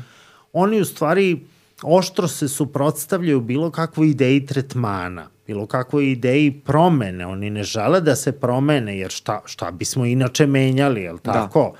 E, međutim, ta treba priča, menjati okolinu, ne nas. Upravo to, treba mm -hmm. menjati okolinu, ne žele da leče. Onda imate i, i specifične termine. Na primjer, u njihovoj terminologiji vi biste bili curbi. Kjurbi. Kjurbi, kjurbi od kjur lečiti, jel da? Pa neko ko želi da ih leči, oni se koprcaju, ne daju se, neće se leče, a vi pošto potom biste im nešto uradili da budu drugačiji, jel? Osjećam se ko usisivač, izvinjam e, da, Pa dobro, da, pomalo. Pa imaju i čitav niz tih nekih drugih termina, termina jel? Aha. Sećam se pre, pa ima tome možda već i 20 godina, formiran je, naravno oni obično deluju u virtualnom prostoru, nema tu baš nekih organizacija mm. onako opipljivih materijalnih, a, osnovali su institut za proučavanje neurotipičnosti, mm -hmm. kao vrstu parodije na DSM sistem klasifikacije mentalnih poremeća i sad svako ko je čitao te klasifikacione sisteme zna da poremeć ima neku šifru, pa onda ima kratak opis poremećaja, pa ima otprilike navedene diagnostičke kriterijume. I oni kažu ovako, šta je normalnost ili neurotipičnost? To je otprilike jedno stanje poremećenosti gde ljudi su preterano fokusirani na svoj socijalni status, da ih stalno nešto brine kako izgledaju očima drugih ljudi, gde se stalno brinu kako je to neko nešto rekao njima, kako su oni ispali u društvu, da li su ispali pametni ili nisu ispali pametni, preopterećeni su svojim izgledom, preopterećeni su socijalnim normama i tako dalje. Baš parodija prava. Pa da, da, da, da, da, i onda su to koliko su oni ljuti na neurotipičnu zajednicu, bar neki od njih, začinili šifrom. Mm. Šifra je 666. Ja, bože. iz, broj zveri iz otkrovenja. Da, no? da. Da. E, tako da to jeste jedna velika priča. Međutim, ta priča nije skroz nova, jer imate, na primjer, kulturu gluvih, koja se kod nas nije nešto posebno zapatila, ali jeste u Americi, na primer. Dakle, gluve osobe koje tvrde da gluvoća nije hendikep. Mm -hmm. Dakle, stanje, ok, u redu je stanje, mi ne čujemo, odbijamo da učimo verbalnu komunikaciju, naš jezik je znakovni jezik, izvolite ga naučiti, ako ne želite da ga naučite, ne morate, Molim ali lepo. mi ne želimo da se prilagodimo, ok. I to ima i neke praktične reperkusije. Znate, sad, nema to samo taj neki teorijsko-filosofski stav prema tome jeste gluvoća ometenost ili nije ometenost. Evo vam jedan primer. E, istopolni par e, iz Amerike je tražio da dobije gluvo dete e, tako što će dete biti ogluvljeno prenatalno. Dakle, želeli su da imaju dete, ali da to dete postane gluvo, dakle ne da u, dobiju gluvo dete koje je već gluvo, da? Da, malo bizar. Da, da, da, i onda postoji nešto što, još, mislim, bizarnije, postoji advokat za zaštitu prava fetusa. I sad je taj advokat uh, rekao, uh, to je etički neprihvatljivo, ok, ako je dete gluvo, gluvo, ali ako nije, etički je neprihvatljivo, ne možete nekog praviti hendikepiranima ako on to nije, zato što je to vaša želja. A one kažu, da, da, da, mi se apsolutno slažemo sa vama, ali vas e, podsjećamo, gluvoća nije hendikep. Mm. Mi ne želimo uh, dete koje je hendikepirano, nego, nego dete koje je gluvo, a to neće biti isto, jel? Mm. Mm. Tako da to može imati vrlo praktične posledice, mm. jel, usvajanje ovakvog ili onakvog stava. Da. A, meni je ta priča o neurodiverzitetu strašno interesantna, pogotovo je nešto eksplodirala, čini mi se, u poslednjih a, par godina, pogotovo od ekspanzije socijalnih mreža i ovome svemu što smo pričali, ovaj, pravljenje i romantizaciji e, neurorazvojnih poremećaja.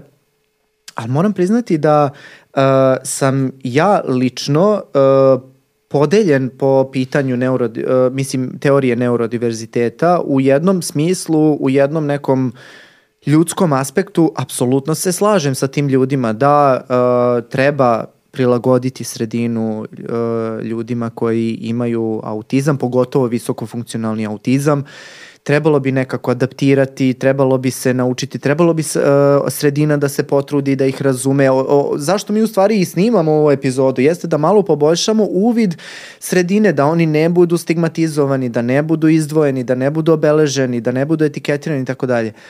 Dok sa druge strane, mislim da može da ima ovo o čemu, o, to je ta druga strana medalje, da ima, može da ima strašne reperkusije na ljude kojima je stvarno potrebna podrška, jer kao što ste rekli, veliki zagovornici neurodiverziteta odbijaju reč tretman, odbijaju re, reč lečenje i ja kao QRB, jel, a, bih bio a, veliki neprijatelj u svetu a, da. neurodivergenta, kako se oni nazivaju, mm -hmm. i, ovaj, i mislim da to može onda da ostavi ogromne posledice posledice za ljude za koje se oni uslovno rečeno zalažu. I mislim da je to uh, kako da kažem, u svetu sada ekstremne političke korektnosti može da napravi problem ukoliko se svata samo tako jednostrano. Ne, ne sviđa mi se ni jedan stav, moram priznati. Evo ja lično pričam sada ljudski.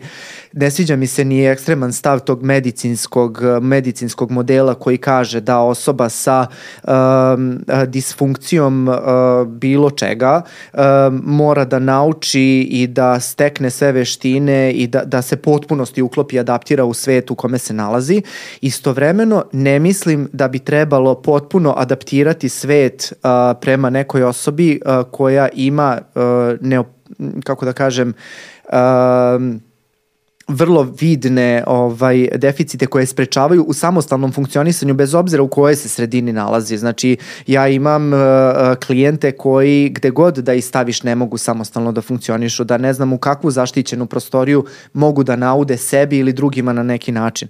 Tako da mislim da ne bi trebalo ni jednu ni drugu stranu, nego bi trebalo to nekako izmiksati celu tu priču. I sviđa mi se što je krenuo po, uh, pokret neurodiverziteta jer je doveo neku drugu perspektivu, ali opet se kreće u krajnost ekstremnost, kao ekstremno desničarenje i ekstremno levičarenje. Isto nekako uh, isti problem sa dve različite strane. Meni je i ekstremno levičarenje, iako smatram sebe kao jednu ovaj, uh, osobu sa liberalnim političkim stavovima, ovaj, opet i e, ekstrem u tom smislu može da, da bude veliki problem. I ovaj i sa te strane mislim da bi trebalo ovaj da bi trebalo da se udruže te dve strane, a ne da budu kako da kažem smrtno zaraćene.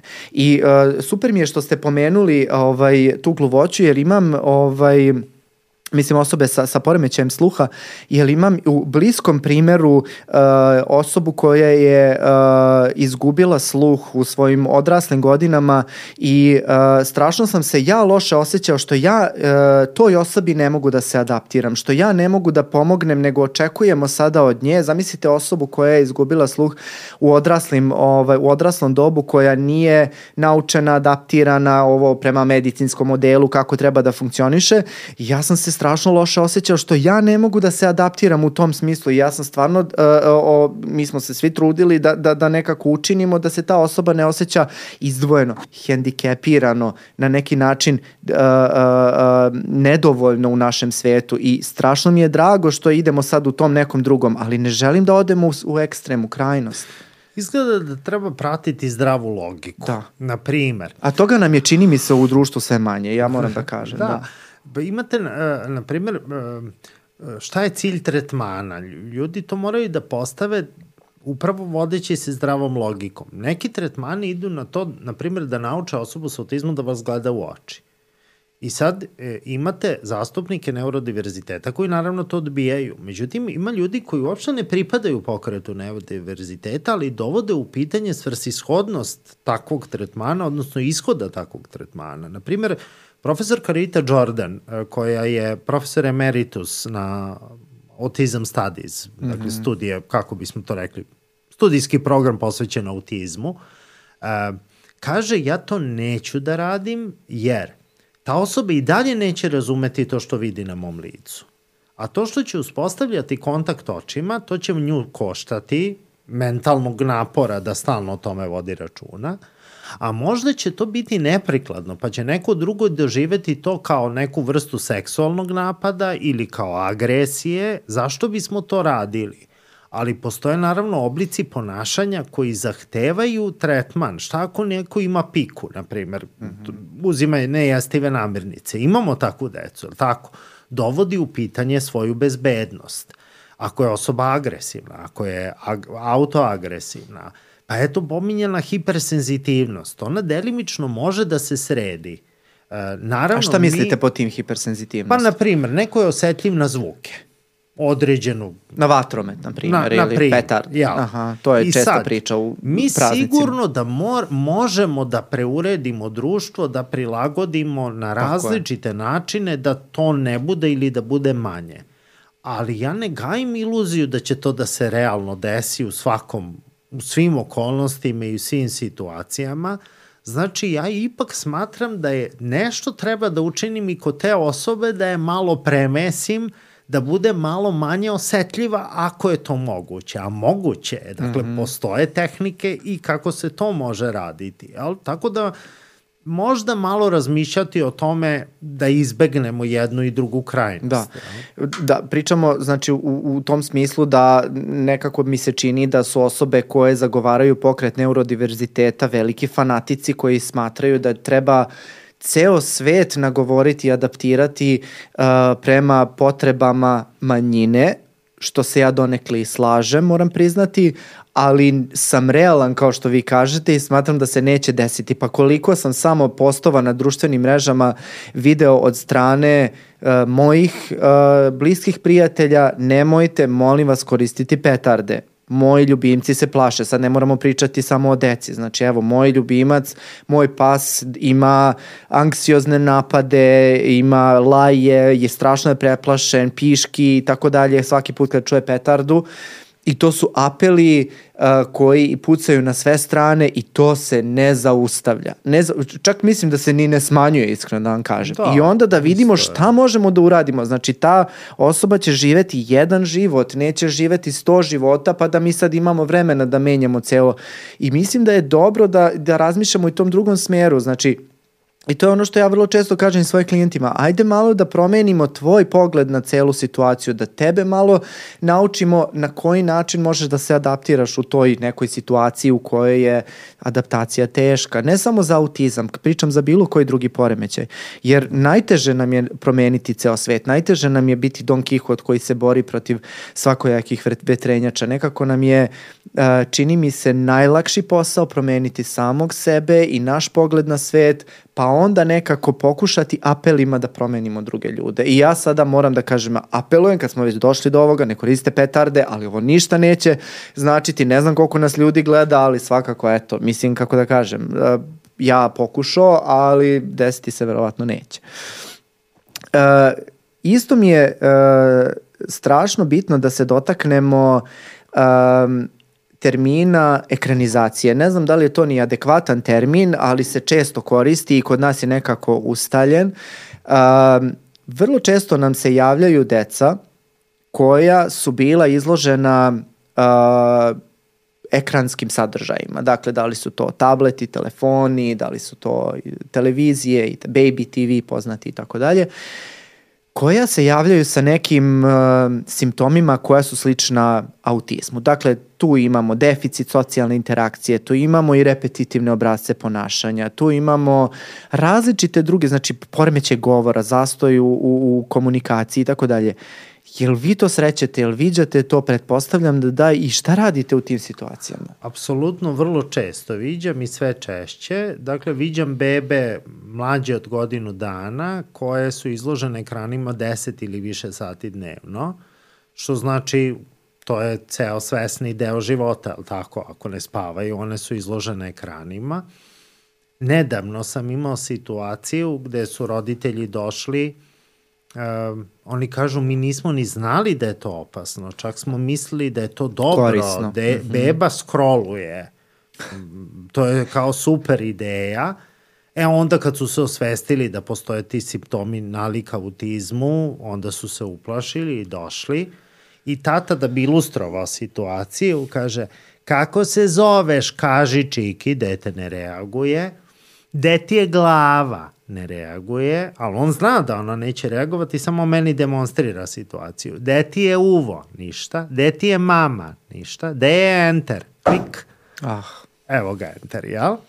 I sad kaže, zamislite, dete ne zna da je moja mama, zna da je moja enter. Jel? Pa enter češće... A čekaj, je li to sa ponosom Ne, ne, ne, Aha, oni su aha, već aha, došli u, u A, došli su u pro- uplašenoj u problemu, varijanti. okej, apsolutno u uplašenoj Mhm, varijanti, da. Tačno je. Ekranizacija je u stvari naš kolokvijalni termin, on nije ušao kao tako nekakav zvanični naučni termin. Kažu englezi ekscesivno korišćenje ekrana, tako otprilike nešto opisno.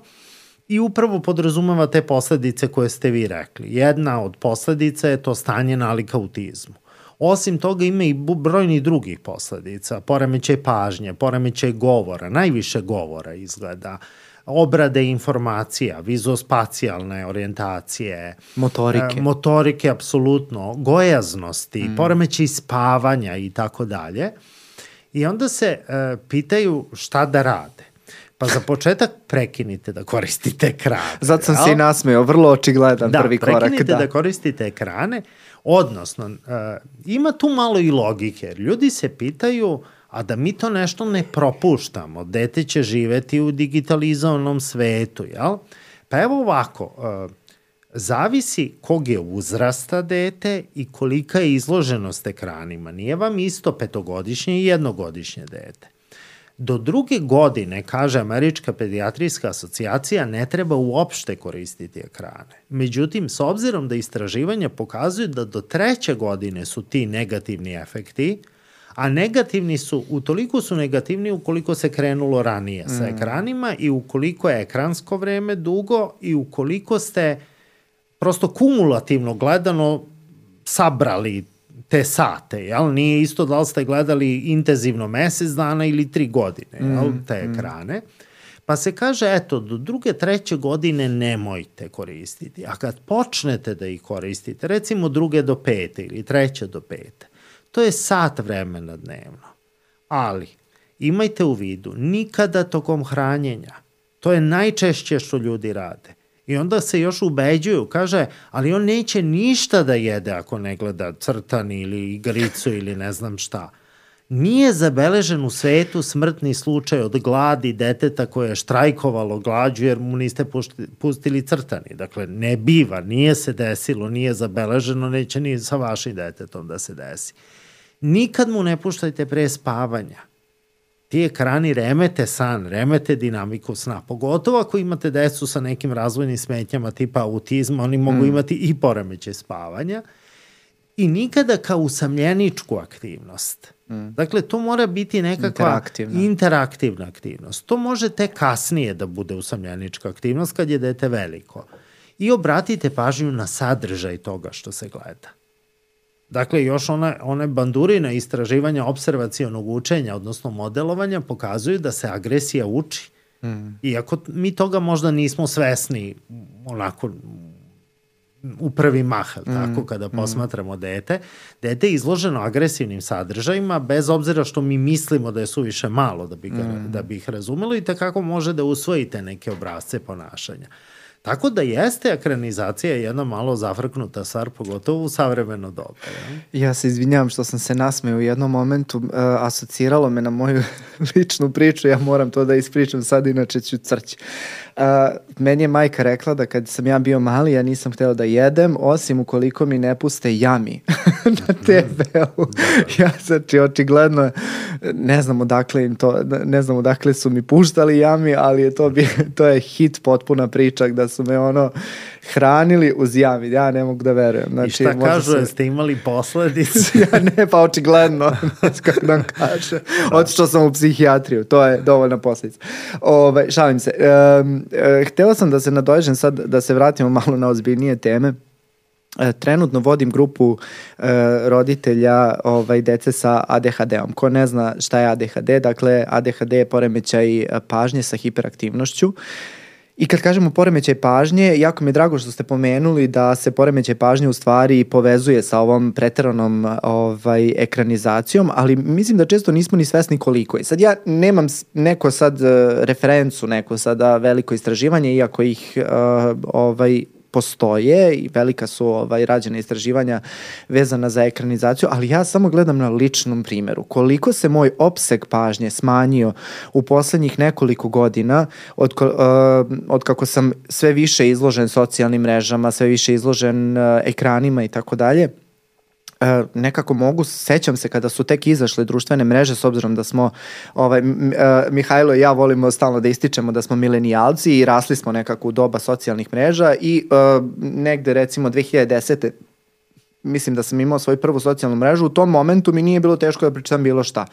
Koliki god da je tekst, ja mogu da uh, mogu da izdvojim vremena da pročitam. Sada moram priznati da što je manja ona, ono sa strane, onaj scroll, što ste rekli, znači onaj mhm. scroll što je manji, to mi je teže da pročitam, a čini mi se da sve manje i manje imam vremena za uh, ovaj, vide. Znači, ako je, recimo na YouTube-u nekada se gledalo po pola, znači mogo sam po pola sata, sada već po 10 minuta, sad kad već, ja ne znam, mislim, teško mi je i ovaj svoj podcast, iskreno da vam kažem, da, ovaj, da, da ponekad odgledam, jer e, čini mi se da mi se opsek pažnje a, a, godinama sve više smanjuje. Ja ne mogu ni da zamislim šta to radi detetu od 2 do 3 godine, 4, 5 godina, kada se pažnja formira uopšte da. kao koncept. Uh, I, ovaj, I onda mi, uh, pošto vodim tu grupu roditelja uh, koji imaju decu sa ADHD-om, kada govorimo o tome i pričamo o tome, veliki procenat. Sad ja nemam istraživanje, nemam sad ovde neke brojke da prospem,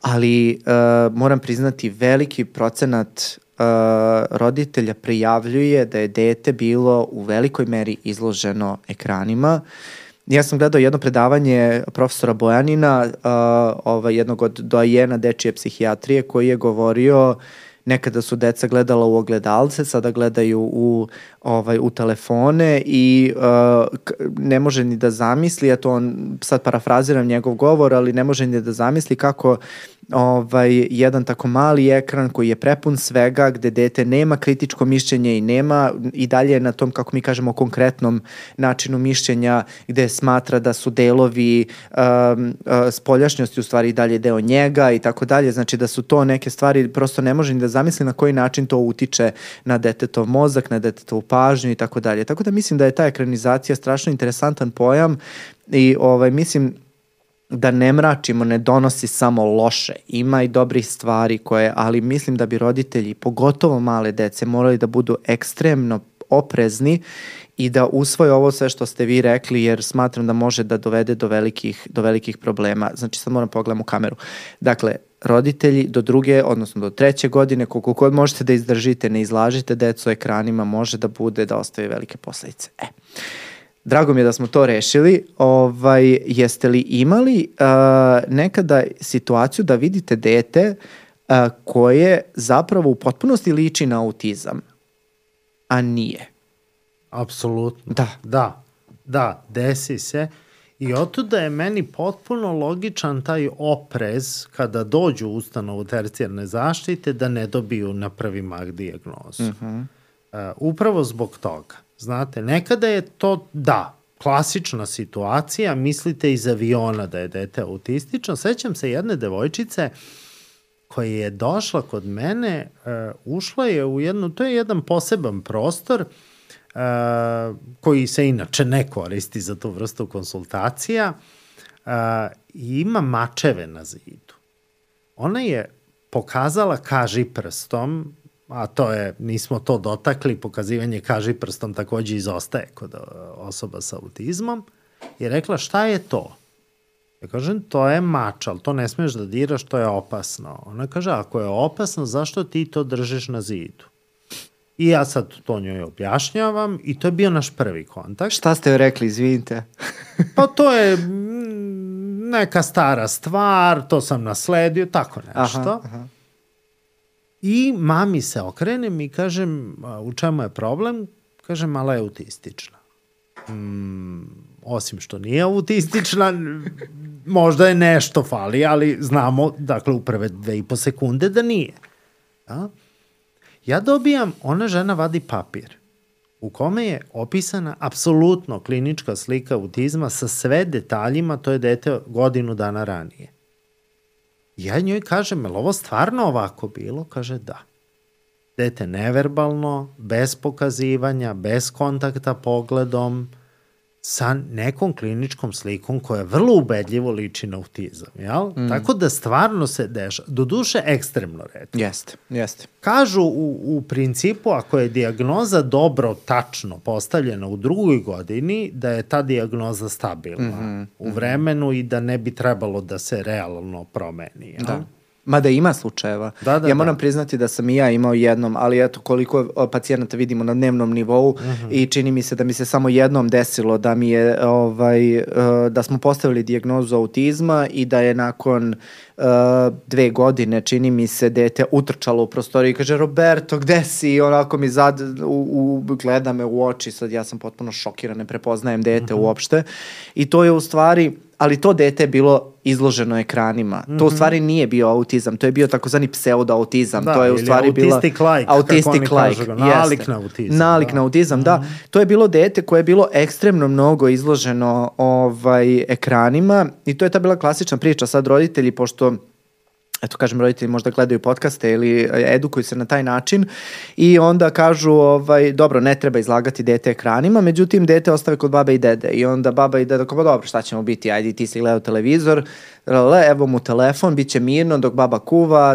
deda cepa drva i tako dalje i u tom nekom smislu dete provede na telefonu 10 sati ovaj i onda u tom nekom ovaj u toj nekoj dinamici dete razvije te neke autistic like autistic-like simptome. Ali drago mi je što smo se dotakli ove teme društvenih, uh, društvenih mreža, ne samo društvenih mreža, nego ekranizacije uopšte, jer s obzirom na to da deca sa poremećajem spektra autizma vrlo često provode mnogo vremena online, bar iz nekim, e sad ja nemam taj podatak, ali nekako vidim to da je, ovaj, s obzirom da vole muziku, da vole ovaj, različite crtaće, da vole različite druge sadržaje na internetu, provode dosta vremena na internetu, mogu da budu i žrtve takozvanog cyberbullinga, odnosno nasilja na, na internetu. Jel imate o tome neke podatke? Da, to je tačno. Oni su mnogo češće žrtve cyberbullinga u odnosu na tipičnu populaciju.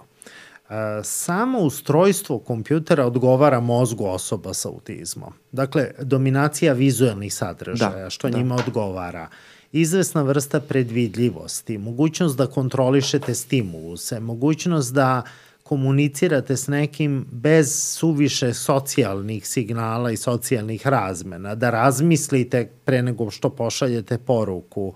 Dakle, mnoge stvari čine da, da oni budu privučeni ekranima i da ih koriste u svakodnevnoj komunikaciji, to je u principu ok, jel? Imate neke osobe sa autizmom koji kažu, pa za mene je kompjuter uh, ono što je slušni aparat za nagluvu osobu, je tako? Moje pomagalo u životu, jel? Međutim, upravo zbog poteškoća u socijalnoj komunikaciji, zbog jedne izuzetne socijalne naivnosti i nerazumevanja tuđih mentalnih stanja, oni su idealne žrtve tog cyberbullinga, jel? E, samo da, evo možda definišemo, da, ako neko da. ne zna, bullying bi bilo vršnjačko nasilje, ušao je termin u upotrebu, podrazumeva... Čak i kod nas se koristi da, faktički. Da, bukvalno u engleskom mm. obliku. Mm. Neku vrstu nesrazmere u moći između počinioca i žrtva, je li tako? Ova je počinilac jači, snažniji, ubedljiviji. Uh, namerna je akcija mm. i ponavljana je mm. aktivnost. To bi bio klasičan, tradicionalni, da kažemo, bullying. E, kod cyberbullinga je malo teže primeniti sve te kriterijume, jer šta znači ponavljana akcija? Vi možete jednom da postojete nekakav neprikladni materijal o svojoj žrtvi i to večno postoji ili se večno prosleđuje drugim ljudima, jel? Tako da vi možete jednom jedinom negativnom akcijom da nanosite ponavljanu, ponavljanu traumu toj svojoj žrtvi, jel? Takođe, pošto je počinilac najčešće anonimna osoba, je li tako? Šta mi znamo da li je on stvarno jak ili je on samo svojom aktivnošću zadobio moć nad nama, jel? Mm -hmm.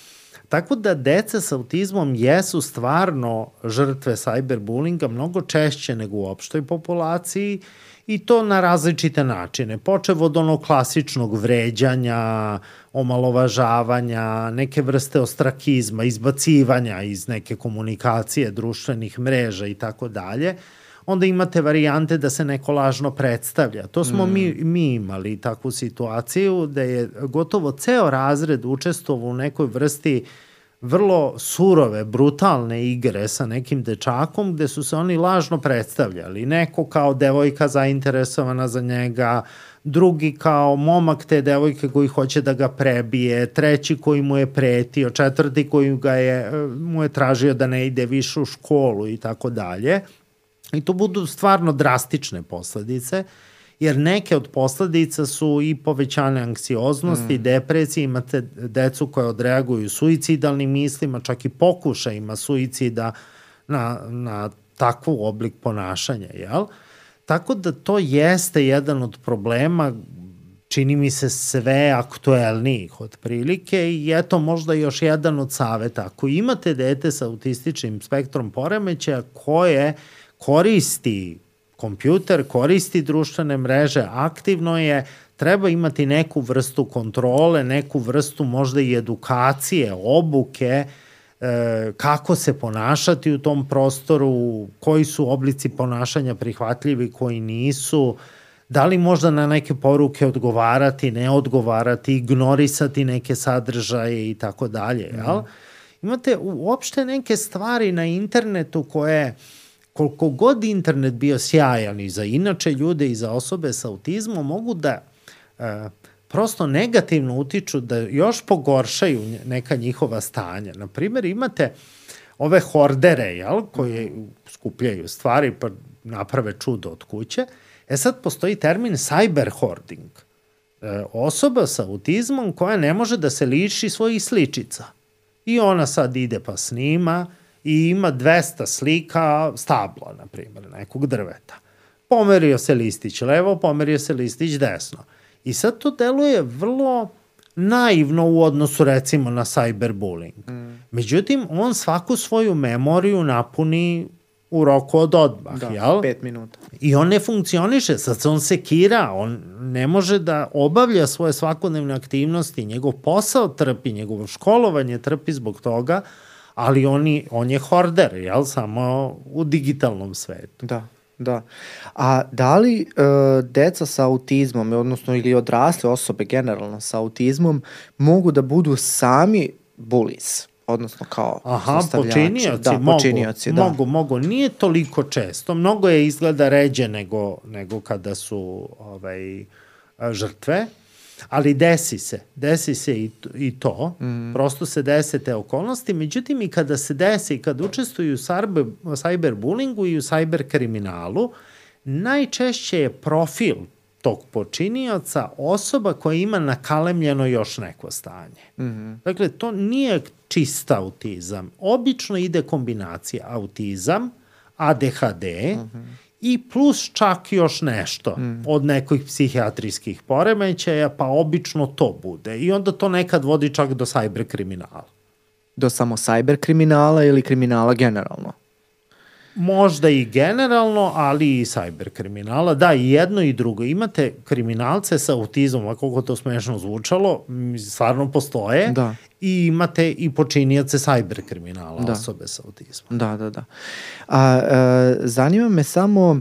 A, kada govorimo, kada govorimo o kriminalu, koji su to tipovi kriminala, mislim, na, na šta je to? Ja, ja sam, evo, recimo, uh, vi ste dali predlog da, da se generalno dotaknemo te teme o, ovaj, o kriminalu i onda sam ja malo istraživao i te osobe su obično uh, predstavljene kao, uh, ne znam da znate tu sliku, kao kada, kada god se priča o cyber kriminalu, to je osoba koja onako sa kapuljačom uh, sedi zatamljene, zatamljene face i iza nje su one Matrix brojke i tako, to je sad tako vrlo popularno popularno predstavljeno, međutim nekako u stvarnom svetu, sad gledao sam ovaj, ljude koji pričaju o cyberkriminalu, ovaj, kažu da to uopšte ne izgleda, mislim, ni nalik tome, nego su to ljudi koji ovako sede u dnevnoj sobi, jedu, eh, ne znam, neki keksi ili piju čaj i ovaj, žele da napakoste drugim ljudima na različite načine sad iz različitih poriva. Mene zanima, jel ima uopšte ovaj, neka, neko objašnjenje zašto bi osoba sa autizmom a, bila kriminalac, bilo cyber kriminalac ili kriminalac generalno, da li je to svesno, da li je to nesvesno, da li oni to imaju nameru ili nemaju, kako to uopšte, kako to uopšte ide?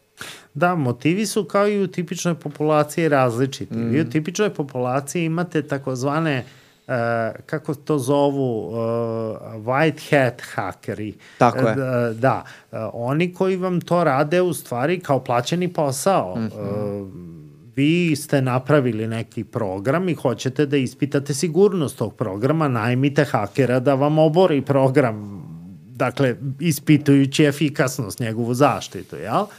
Imate onda takozvane etičke hakere, ljude koji smatraju da čine neku misiju, političku, ideološku, religioznu. Imate oni koji traže prihvatanje od strane te zajednice, online zajednice. Znate, mm. koji je to prestiž napao sam FBI, na primjer, mm. njihov sigurnosni sistem, pa to mora da nosi puno tih poenčića, jel, u tom socijalnom svetu. Međutim, kod e, osoba sa autizmom to obično bude neka vrsta stereotipa, jel? Pa onda se pređe ta granica i plus ako tome dodate nerazumevanje socijalnih pravila i socijalnih normi, onda ne znaju uh, A zašto bi bio problem da oni ukradu tuđu šifru i pod tuđom šifrom uđu u neke sadržaje koji ih, na primer, interesuju ili za koje imaju obsesivne interesovanja? Često nesvesni da je to što rade krivično delo suštinski. E, to sam teo da pitam. Da li su da. oni u stvari, da li oni svesno čine krivično delo ili je to sad opet neka vrsta e, nerazumevanja socijalnih normi? Da li oni smatraju da nije okej okay ući pod nečijom šifrom u nečiji profil? Najčešće prosto ne razumeju e, pa situaciju. To. Jer to vidite iz onih tipova kriminala koje čine u, u realnom prostoru. Na primer, sećam se, pre više godine je bio neki slučaj uh, već odraslog čoveka, on je ne, bio tada u nekim 30. godinama, uh, koji je podmetnuo požar. Uh, za razliku od bilo kog drugog čoveka koji podmeće osvetnički mm. požar, mm. on je mirno sačekao policiju da sa njima proćaskao svojim motivima, jel? Svi ostali pretpostavljam da nalaze različite strategije da kažu kako nisu to oni uradili, jel? I sad što se desilo? On je pričao da je to osveta uh, zato što uh, postoje neka deca koja ga diraju u školi i uh, koja ga polivaju vodom iz onog pištolja na vodu. Ali pazite, on o tome govori kao da je to aktuelna situacija. Dakle, deca u školi, on ima u tom trenutku recimo 33 godine, jel? Mm I sad oni pokušavaju da rekonstruišu o čemu se tu dešava. Dobro, to su, dakle, ljudi ti koji su tendirali pre 20 godina u školi, oni žive u toj kući, zar ne? Ne. Pa ko žive u toj kući, otkud znam? Pa dobro, što si upalio kuću? Kaže, ta kuća liči, mnogo liči na onu kuću u kojoj su živeli ti ljudi, jel? Dakle, uopšte ne hvata tu racionalnu vezu uzroka i posledice, mm. Ili opet paljevina, uh, podmetnut požar nekoj radio stanici, nije bio podcast, ne brinite. To je bilo vreme pre, pre ovoga. To recite našim producentima. Da, da. Uh, dakle, neka radio stanica koja je posto upala u, u njegovu omiljenu frekvenciju. On je pratio neku drugu stanicu i sad su oni krenuli da se emituju i oteli mu program, jel? Uh, I on je njima krenuo da uh, ih proganja, jel? Mm. Pisao im pisma, prvo ih molio, pa im pretio, pa im, pa im lepo rekao čovek na vreme, ja ću vas da upalim, prekinite da emitujete program, oni to nisu ozbiljno razumeli. On je upalio tu radio stanicu, ali on nije video problem. On je u stvari rešio problem mm. i on je o tome potpuno javno govorio. Dakle, e, samo želeo bih da prosto istaknem jednu stvar, da neko ne, ne stekne pogrešan utisak. Osobe sa autizmom se po pravilu stravično pridržavaju zakona do mere da to nervira. Mm. Dakle, oni nisu, oni, uh, ove stvari koje mi pričamo postoje, ali su one redke, Vrlo one su redke. statističke greške, jel?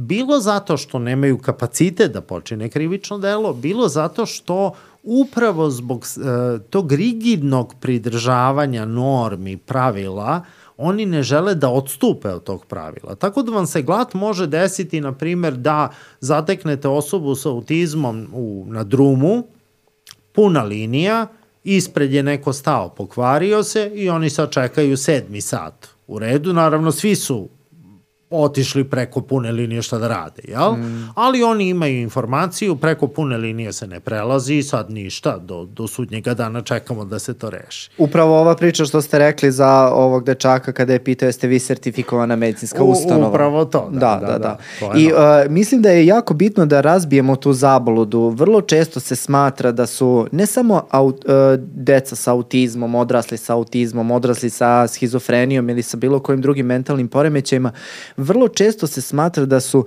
psihijatrijski pacijenti nasilni. I to da, je to nešto, je klasika, da, da, i to je da, neko da, da. klasično uvreženo mišljenje u našem društvu, ne samo u našem društvu, nego u mnogim društvima i mislim da je bitno da se razbije ta da nije u stvari e, nasilje, odnosno da li pozivanje na nasilje, da li u stvari samo nasilje karakteristika osoba sa autizmom. Jako je bitno da se to razbije, da uh, šta više, ja nikada nisam imao, evo radim već godinama uh, sa, sa osobama sa autizmom. Ja nikada nisam imao situaciju da me osoba sa autizmom napadne, a bio sam u različitim situacijama, tako da ako se meni nije desilo, sigurno se neće desiti osobi koja prođe pored osobe sa autizmom, znači ne morate da se sklanjate, ne morate da prelazite ulicu i ovaj, ne pričam ovo džabe, uh, dobijam, tako, da, dobijam da. informacije da čak i osobe sa autizmom visoko funkcionalne verbalne koje mi dođu i kaže ja vidim da osobe, druge osobe koje znaju za moju dijagnozu prelaze ulicu i mislim da je to uh, uh, uh, nešto što strašno utiče na, na takve osobe. Kako da ne? I na te osobe i na njihove porodice. Tako je, Znate, tako često je. se dešava čak i benignija situacija. Naprimer, roditelji kažu uh, Niko nam ne dolazi na rođendan, niko nam ne ulazi u kuću. Zašto? Ljudi imaju neprijatnost. Dođu, počnu da govore o svojoj porodici, pomene svoju decu i onda kažu sebi, jao, pa kud sam pomenuo da je dobio peticu u školi, a njegov recimo sin ne ide u školu ili neće dobiti peticu. Kud sam pomenuo da mi je rekao nešto, njegov sin ne govori. Mm. I onda iz te neprijatnosti ih u stvari napuste ne treba da imaju bilo kakvu neprijatnost. Ljudi iz tipične populacije treba da komuniciraju sa porodicama koje imaju člana sa autizmom na najnormalniji način. Ne treba se nikada, kako da kažem, nikada lešavati te osobe kontakta, podrške, a s druge strane nikada se ne treba sekirati da li smo nešto pogrešno rekli. Jer mnogo je bitna namera. Ja znam, mm. to se odnosi i na druge hendikepe. Znate, ljudi se strašno opterećuju zašto su rekli slepoj osobi vidjet ćemo se. Ne, slepe osobe vama same kažu vidjet ćemo se. Zato što mm. vidjet ćemo se ne znači bukvalno gledat ćemo se, se očima, da. nego bit ćemo u kontaktu, jel? Da, da. Tako da ta vrsta komunikacije nije uopšte problematična. Da. S obzirom da smo se danas dotakli uh, mnogo interesantnih tema i tema koje nisu popularne, uh, ja sam pravio neku agendu uh, ovog intervjua i uh, moram priznati da me jedna stvar strašno zanima i strašno intrigira, uh, a to je vezano za tretmane. A s obzirom da ste vi po struci uh, defektolog, ovaj, vi ste neko ko se po pravilu jel, najviše bavi tretmanima, uh, tretmanima de, ovaj, osoba sa, sa autizmom da mi kažete nešto više o tome, sad vezano za tretmane, to sad nije neš, neka interesantna priča, ali uh, za mene nešto strašno interesantno su tu takozvani alternativni tretmani, pseudo tretmani ili kako god hoćemo da ih, da ih nazovemo. I kad smo se već dotakli svih nepopularnih tema, da tako kažem, a to su ti cyberbullying, pa kriminal i tako dalje, da se dotaknemo malo i ovoga, jer mislim da su strašno zastupljeni u našoj populaciji i da e, ljudi koji ovo slušaju će sigurno hteti nešto da čuju, a bilo je i komentara vezanih, ovaj, vezanih za tu temu. Da li vam dolaze roditelji ili da li vam dolaze osobe sa autizmom koje kažu da su probale neke vrste alternativnih tretmana, da li su im pomogle, da li im nisu pomogle, šta su najčešće, šta su najčešći tretmani? Da a, dolaze, najčešće e, dolaze sa idejom da sprovode tretmane koji su medijski eksponirani ili koje, gde su čuli od nekoga, jel? E, nekada to bude onako dosta brutalno. Sećam se jedne mame koja je rekla, e, znate šta, e, mi jašemo konje, radimo akupunturu, bili smo kod Hođe, e, bili smo kod jedne gospođe, ja mislim i Zavidovića ili šta znam, i sad smo došli kod vas. Mm. Ali to je otprilike to, taj, taj sled otprilike, mm -hmm. da, kako to izgleda. Uh, pseudonaučne intervencije su u stvari grupe tretmana ili ajde da kažem ublaženiji, komplementarni i alternativni tretmani, to da. bi bilo možda malo korektnije i finije, su grupe tretmana koje nemaju baš puno zasnovanosti na dokazima. Bilo zato što to nikad niko nije ni istraživo, jel? da li imaju efekta ili nemaju efekta, bilo zato što jesu istraživani, potvrđeno je da nemaju nikakvog efekta i ljudi ih i dalje koriste. Neke od tih intervencija su u stvari intervencije koje pomažu u nekim drugim stanjima. Dakle, one nisu nepoznate nauci, ali se ne koriste, odnosno ne preporučuju za upotrebu u autizmu. Na primer, helacija čuvena. Dakle, to vam je ideja ukratko da treba da se oslobodite teških metala iz organizma korišćenjem nekakvih sredstava koje, nažalost, vi možete da kupite na internetu. Helacija se sprovodi u kliničkim uslovima kod ljudi koji su se otrovali i to je jedan vrlo ozbiljan postupak i koji podrazumeva konstantan nadzor jer vi se oslobađate i onda nekih drugih metala iz organizma koje morate da nadoknadite, e, strašno bombardujete, opterećujete i jetru i bubrege i mora neko da vas kontroliše dok to radite. Međutim, ovde to nema prosto smisla, nema značaja, jel? pogotovo ako ne odrađujete tu, tu suplementaciju, jel tako? Onda čitav niz drugih tretmana, oni mogu biti biološki i nebiološki, jel? pa pre samo par godina se dešavala ta strašna situacija s nekim preparatom za koga se ispostavilo na kraju da je po hemijskom sastavu izbeljivač, gde su da, ljudi koristili taj izbeljivač, i navodno da uklone parazite iz organizma. Dakle, mi bismo mogli sad navoditi na desetine takvih intervencija, ali čini mi se da je ljudima mnogo značajnije e, kako da prepoznaju da je intervencija sumnjiva. Dakle, oni ne mogu nikako znati e, nikada biti dovoljno kritični, nikada imati dovoljno informacija o autizmu, prosto je to posebna struka, je tako? Da. Roditelji najčešće nisu iz struke ali kako da naslute da nešto nije u redu? E, kao prvo, čudno obrazloženje uzročnika autizma. Mi svi znamo da ne znamo uzročnika autizma, da znamo faktore rizika. I sad mi to povezujemo sa različitim situacijama, to je posebna tema. Ali ako vam neko kaže autizam je bolest parazitar, parazitarne prirode, znači parazitima ste se zarazili i imate autizam. Kako je moguće da niko to do sada nije utvrdio? Pa nisu valjda ti infektolozi pali s Marsa pa nije palo na pamet tako nešto, jel? I sada još i lečite takvu bolest, na primjer izbeljivačem, jel? Dakle, čudno tumačenje, onda korišćenje suviše stručne terminologije. E, I to su po pravilu vrlo vešti ljudi. Oni naslute da vi o medicini ne znate ništa, krenu da koriste neuroanatomske termine. Fornix, korpus, što vole korpus kalozum, to ubija. I tako nekakve stvari, hipotalamus, sve, hi, sve hipo da, što sve ima, hipot... to je dobro, hipokampus, hipotalamus, sve tako. E, kad naslute da išta znate o tome, oni pređu na psihološku terminologiju. Mm, mm. Znate, otprilike su to vam ljudi od sto reči. Znaju po sto reči iz medicine, iz mehanike, iz psihologije, iz čega god hoćete, jel? Koriste tu pseudonaučnu terminologiju, pri tome ne umeju na srpskom da vam objasne Šta suštinu znači? problema. Mm. A ja se sećam, mi kad smo radili disertaciju, to je bilo opšte uputstvo koje vam svaki mentor govorio. Znamo da znaš šta si radio ako umeš čoveku koji nikad se nije bavio tvojom oblašću da kažeš šta ti je tema i šta si dobio kao osnovni rezultat. I to je glavna stvar. To korišćenje stručnih, pseudostručnih termina je vrlo problematično. Onda ono što je prosto crvena zastavica koja svetli sa svih strana je da vam nude brza rešenja. Mm. Dakle, autizam je, rekli smo, neurorazvojni poremećaj. To traje dete sa autizmom odrasta u odraslu osobu sa autizmom. Ako vam neko kaže da će da sredi situaciju za mesec dana, za tri meseca ili za godinu dana, vrlo verovatno je prevarant.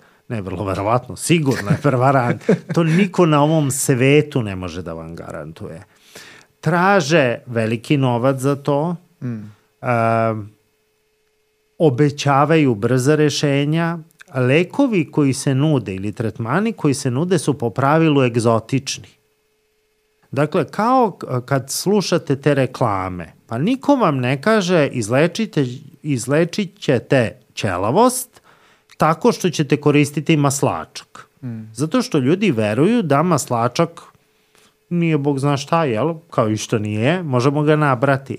Ali ako vam kažu, ima jedna biljka u Amazoniji, ona cveta dva dana u mesecu, teško ćete dopreti do, do tamo, ali Bogu hvala imate nas, pa ćemo vam mi to prodati za određena sredstva, onda to ljudima zvuči logično, zato što to pogađa taj podsvesni sloj ličnosti koji kaže ja moram da se žrtvujem, mm -hmm. jel, da bi dobio nešto veliko. Mnogo da platim. Upravo to. Mm -hmm što je veće to što očekujete, veća mora da bude žrtva, ne mm. može da bude mala žrtva, mm. jel? I onda nasedaju na takve vrste prevara, jel?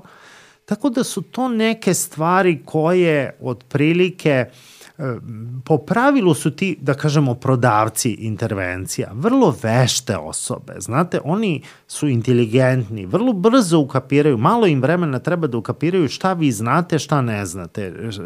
To rade moji majstori. Znate, kad dođu kod mene, oni u prve dve milisekunde shvate da ja pojma nemam o čemu, čemu oni pričaju. On pričaju. Da.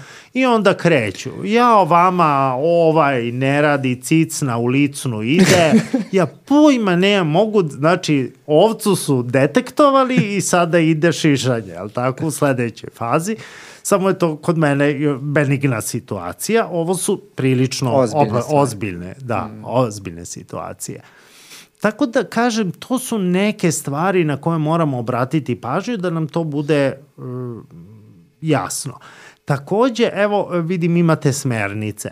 U smernicama smo pokušali da navedemo te neke glavne kategorije tretmana koje se preporučuju zato što se smatraju da su zasnovane na dokazima i one oblike tretmana ili intervencija za koje nema dovoljno prosto dokaza ili prosto nikada nisu ispitivane u dovoljnoj meri da bismo uopšte mogli da preporučimo takve vrste intervencije. Moram samo da se nadovežem na vas uh, i da kažem da vrlo često zajedno sa tim uh, vrlo velikim umećem prodavanja intervencije postoji još jedna sumnjiva aktivnost, a to je vrlo jasno lišavanje odgovornosti. Te osobe uopšte nisu glupe i vrlo uh, dobro znaju, uh, odnosno možda čak nekad i ne znaju, uh, kako ta njihova intervencija koja se prodaje u nekoj fancy ustanovi, na neki, u nekim fancy pakovanjima, na nekim fancy način, u vel, gde se daju velike pare su u pitanju, uh, vrlo lepo znaju kako da se liše odgovornosti i uh, ono što sam ja nekako istraživao uh, gledajući te sve razne preparate jeste da si najsitnijim slovima kao kad kod potpisujete neki ugovor za kredit ovaj, u, u tim nekim fontovima piše da se lišavaju svake odgovornosti i to je nešto što o čemu se o čemu se ne priča i isto može da se detektuje kao uh, kao sumnjiva aktivnost. Um, Mi smo baš danas uh, imali, uh, pripremajući se sad Institut za mentalno zdravlje slavi 60 godina, imamo naš forum koji će biti sad ovaj, um, polovinom meseca i um, mi smo se pripremajući se za forum imali seriju nekih lekcija i današnje lekcije, baš danas smo imali, su bile ovaj, e, kontroverze u dečjoj psihijatriji. I zašto sam uopšte pokrenuo ovu celu priču? Ja sam se ovaj, prethodnih dana pripremajući se za to predavanje bavio baš pseudotim, pseudotretmanima, alternativnim ovaj, um, i komplementarnim metodama lečenja u dečjoj psihijatriji kojih ima, kao što smo rekli, sijaset. Uh, I ono što je meni bilo posebno blisko, ja sam se sad zalaufao, mislim kako da vam kažem, kad sam krenuo da istražujem, to nema kraja, od e, baroterapija, biomagnetoterapija do, mislim, hoću da kažem, uh, raz, sijaset različitih teorija, sijaset različitih tretmana, I ono što je meni bilo blisko iz moje okoline i čemu sam se najviše posvetio, to je bilo nešto što se zove salivanje strave. Ja Pa ne znam, da, da, da, da. E, e, mislim, ne znam da li će ljudi iz kruga dvojke da prepoznaju o čemu se radi, ali ovaj, ja, pošto sam jedno vreme živeo sa selu, to je kod nas bilo strašno popularno.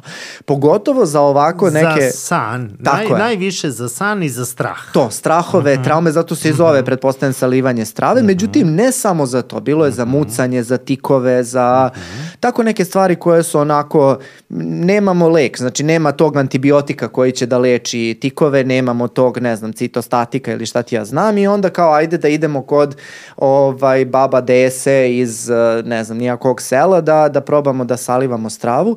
I ja sam sad malo krenuo da, ovaj, da se bavim time sad s obzirom da je to nama blisko, ja kažem ne, ne, nekako balkanskim narodima ovaj, um, svojstvena metoda lečenja, nisam video da ima igde drugo, ja sam se sad bavio malo tim istraživanjem, moji izvori su vrlo nekredibilni, to moram odmah da se ogradim, to su različiti članci iz različitih novina, i videh uh, koliko je to u stvari potencijalno opasno. Ja lično nikad nisam išao na salivanje strave, ali sam imao ljude u bliskoj okolini koji jesu i čak sam imao klijente koji su dolazili kod mene koji su bili istraumirani od procesa salivanja strave i žao mi je što to nisam ranije istraživao da vidim koliko je to u stvari opasno. To se u stvari radi o vračarama, kako ih nazivaju, znači vračare koje ovaj, stavljaju veliku, na velikoj temperaturi užareno olovo u Olovo, vodu, da. tako je, i onda dete u- udiše ta isparenja, to se saliva iznad, ne znam, pupka, nogu, glave i šta ti ja znam, i onda na kraju neke sad vračare insistiraju na tome da deca popiju tu vodu. Pazite, isparenje olova. Da, Znači, da. e, nekada kada je bilo, o, kada smo imali one olovne boje, ovaj, kada su farbali ljudi zidove, pa su imale primese olova, ljudi imali ogromna trovanja olovom, to je sada zakonom zabranjeno, ne mogu da zamislim kakve posledice može da ima dete koje ode na salivanje strave koje može da bude ozbiljno intoksicirano olovom. Mislim, olovo samo po sebi zvuči opasno, a mi koji se bavimo medicinom zapravo i znamo kolike to posledice može da ima da ima na dete. E, to, šta je u stvari poenta ove cijele moje priče? Ja nemam neki sad poseban problem uh, sa tim što određeni roditelji dođu i kažu probali smo sve, pa evo sad dolazimo kod vas da nam vi pomognete. Ok, stvarno nemam nikakav, uh, ne osuđujem te roditelje, vrlo mi je jasno da uh, tako jedan kontraverzni pojam, neizlečiv pojam može da povuče sa sobom i traženje nekako, ne, ponekad čak i očajničko traženje leka i to mi je sve ljuds, na ljudskom nivou jasno. Međutim, ono što moram, gde moramo da reagujemo mi kao, koji se bavimo decom i da ih zaštitimo jeste kada su te uh, terapijske intervencije koje su vrlo rizične.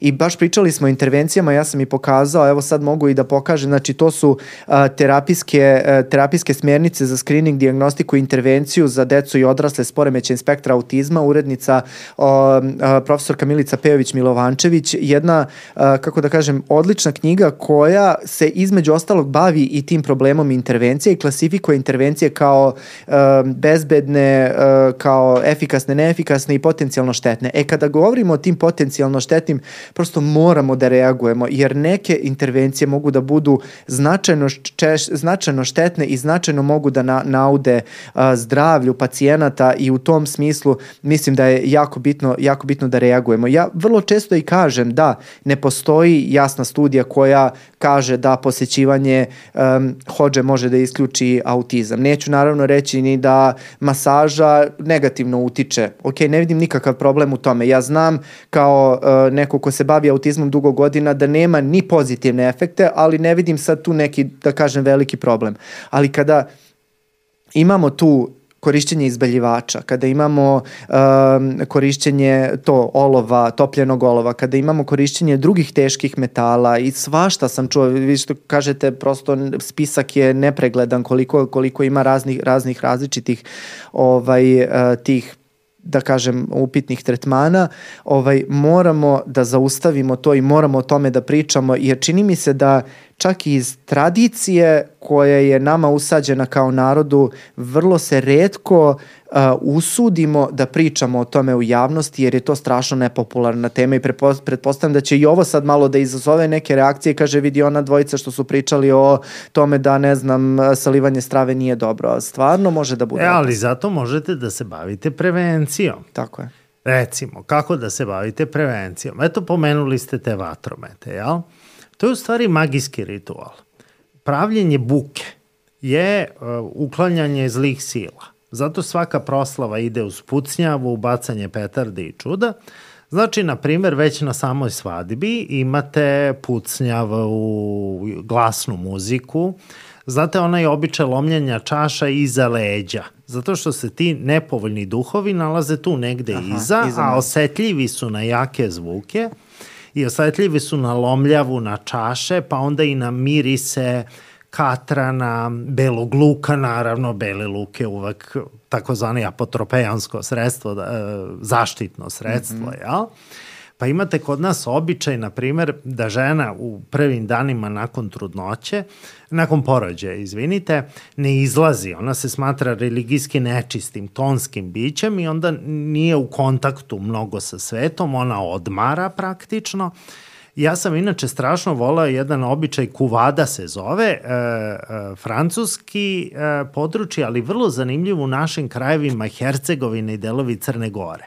I muškarac leži posle porođaja, žene neko vreme i odmara, jel? Onda, na primer, imate e, ta silna zaštitna sredstva, onda šta se preporučuje, šta, šta sme, šta ne sme trudnica, jel?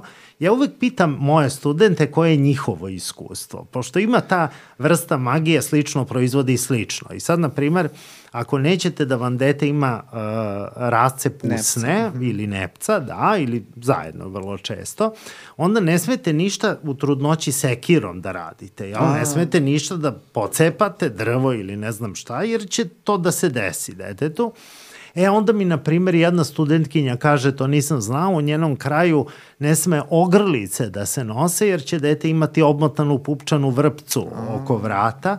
Tako da postoji i te, ti rituali, jel, koji idu ko zna iz kog vremena, a, a koji otprilike idu na to, pucaju na taj magijski sloj da. ličnosti, da. koji je još uvek živ, nema to šta. Jeste, jeste. Ja, ja, nekako iz moje okoline, eto, e, nisam vaš student, ali mogu da kažem da e, ja vrlo često čujem da žene koje su trudne ne smeju da se farbaju, mhm. ne idu na depilaciju, ne znam šta sam još ono, sve to što ima veze sa nekim uh, ulepšavanjem, ne znam zašto, ali vrlo često ja, imaju. Znate, da... tu ima par sjajnih ideja koje su tradicionalne.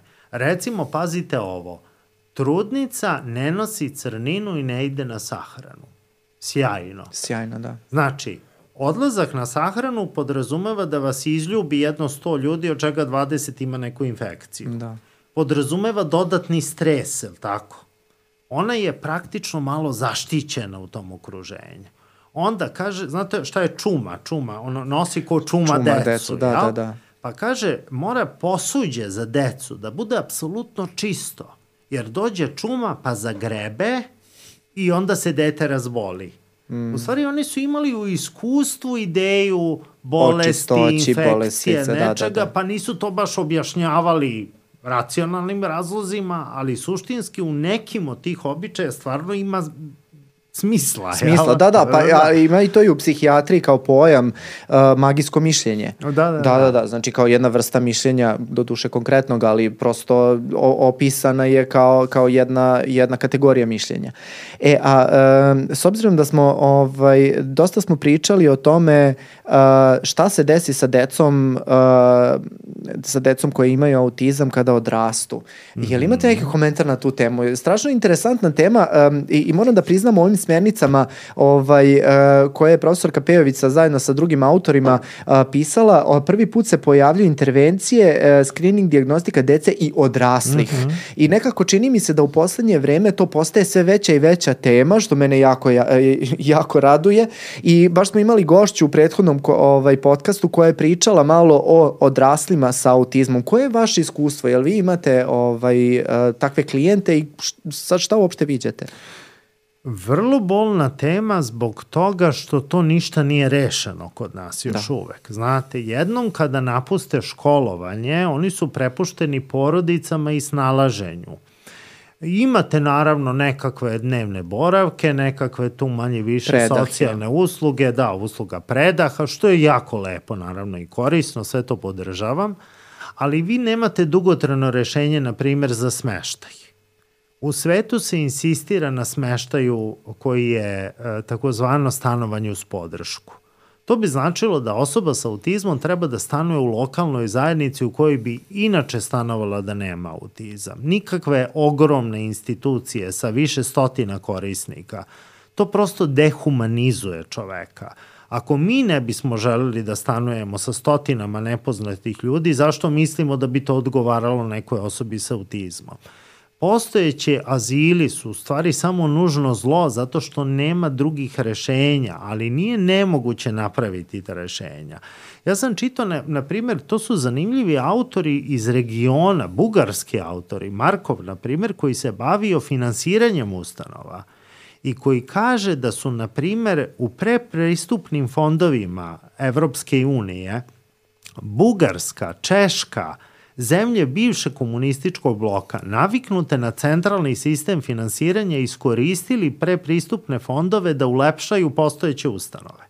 Umesto da naprave alternativno rešenje tim mm. ustanovama. Mm. Dakle, prosto su šminkali mrtvaca.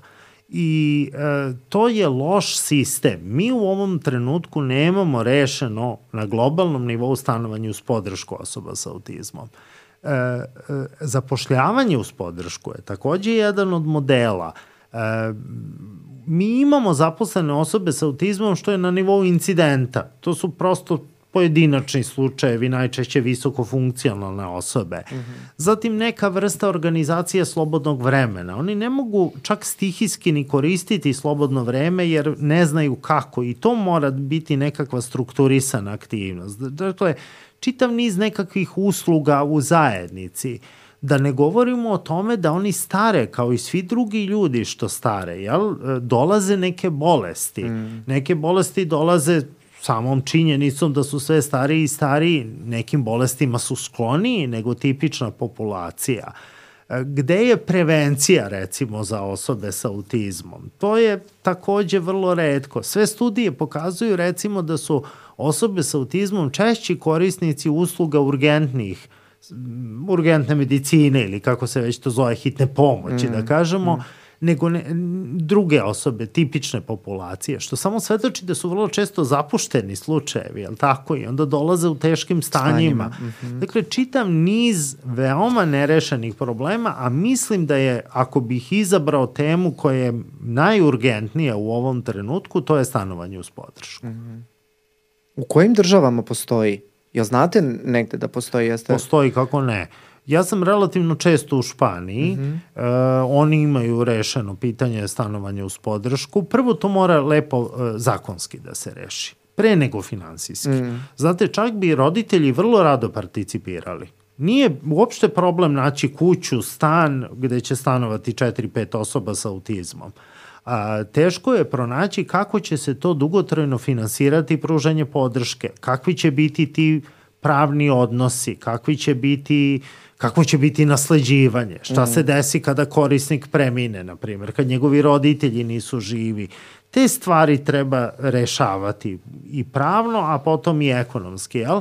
Španija je to, čini mi se, jako lepo rešila. Naravno, ni tamo nije apsolutno sjajna situacija, ali imate. Imate u nordijskim zemljama e, relativno dobro e, rešenu situaciju sa stanovanjem uz podršku. Mm. Kad govorite o stanovanju osoba sa autizmom, ja, ja sam čitao malo o tome kako osobe sa autizmom funkcionišu zajedno i kako funkcionišu u zajednici neurotipičnih osoba. I baš kad smo se dotakli, dobro je da, da ovo ovaj, ispričam, um, I postoji taj trend uh, boljeg razumevanja. Znači kako se osobe sa autizmom um, odnosno bilo koja, da kažem sad, neurodivergentna osoba se bolje razume međusobno nego, uh, nego kada, se, i kada se izmešaju. I sad bilo jedno to istraživanje gde su upoređivali, um, igrali su se igre gluvih telefona. I ovaj, e, bile su tri grupe ispitanika. Prva grupa su bile osobe sa autizmom, Uh, sve su bile osobe sa autizmom, bilo ih je recimo desetak. Druga grupa je bila neurotipična ovaj, razvojna grupa, odnosno osobe bez uh, bilo kakvog ovaj, um, bilo kakvog poremeća i uh, bili su izmešani. Treća grupa su, je bio miks.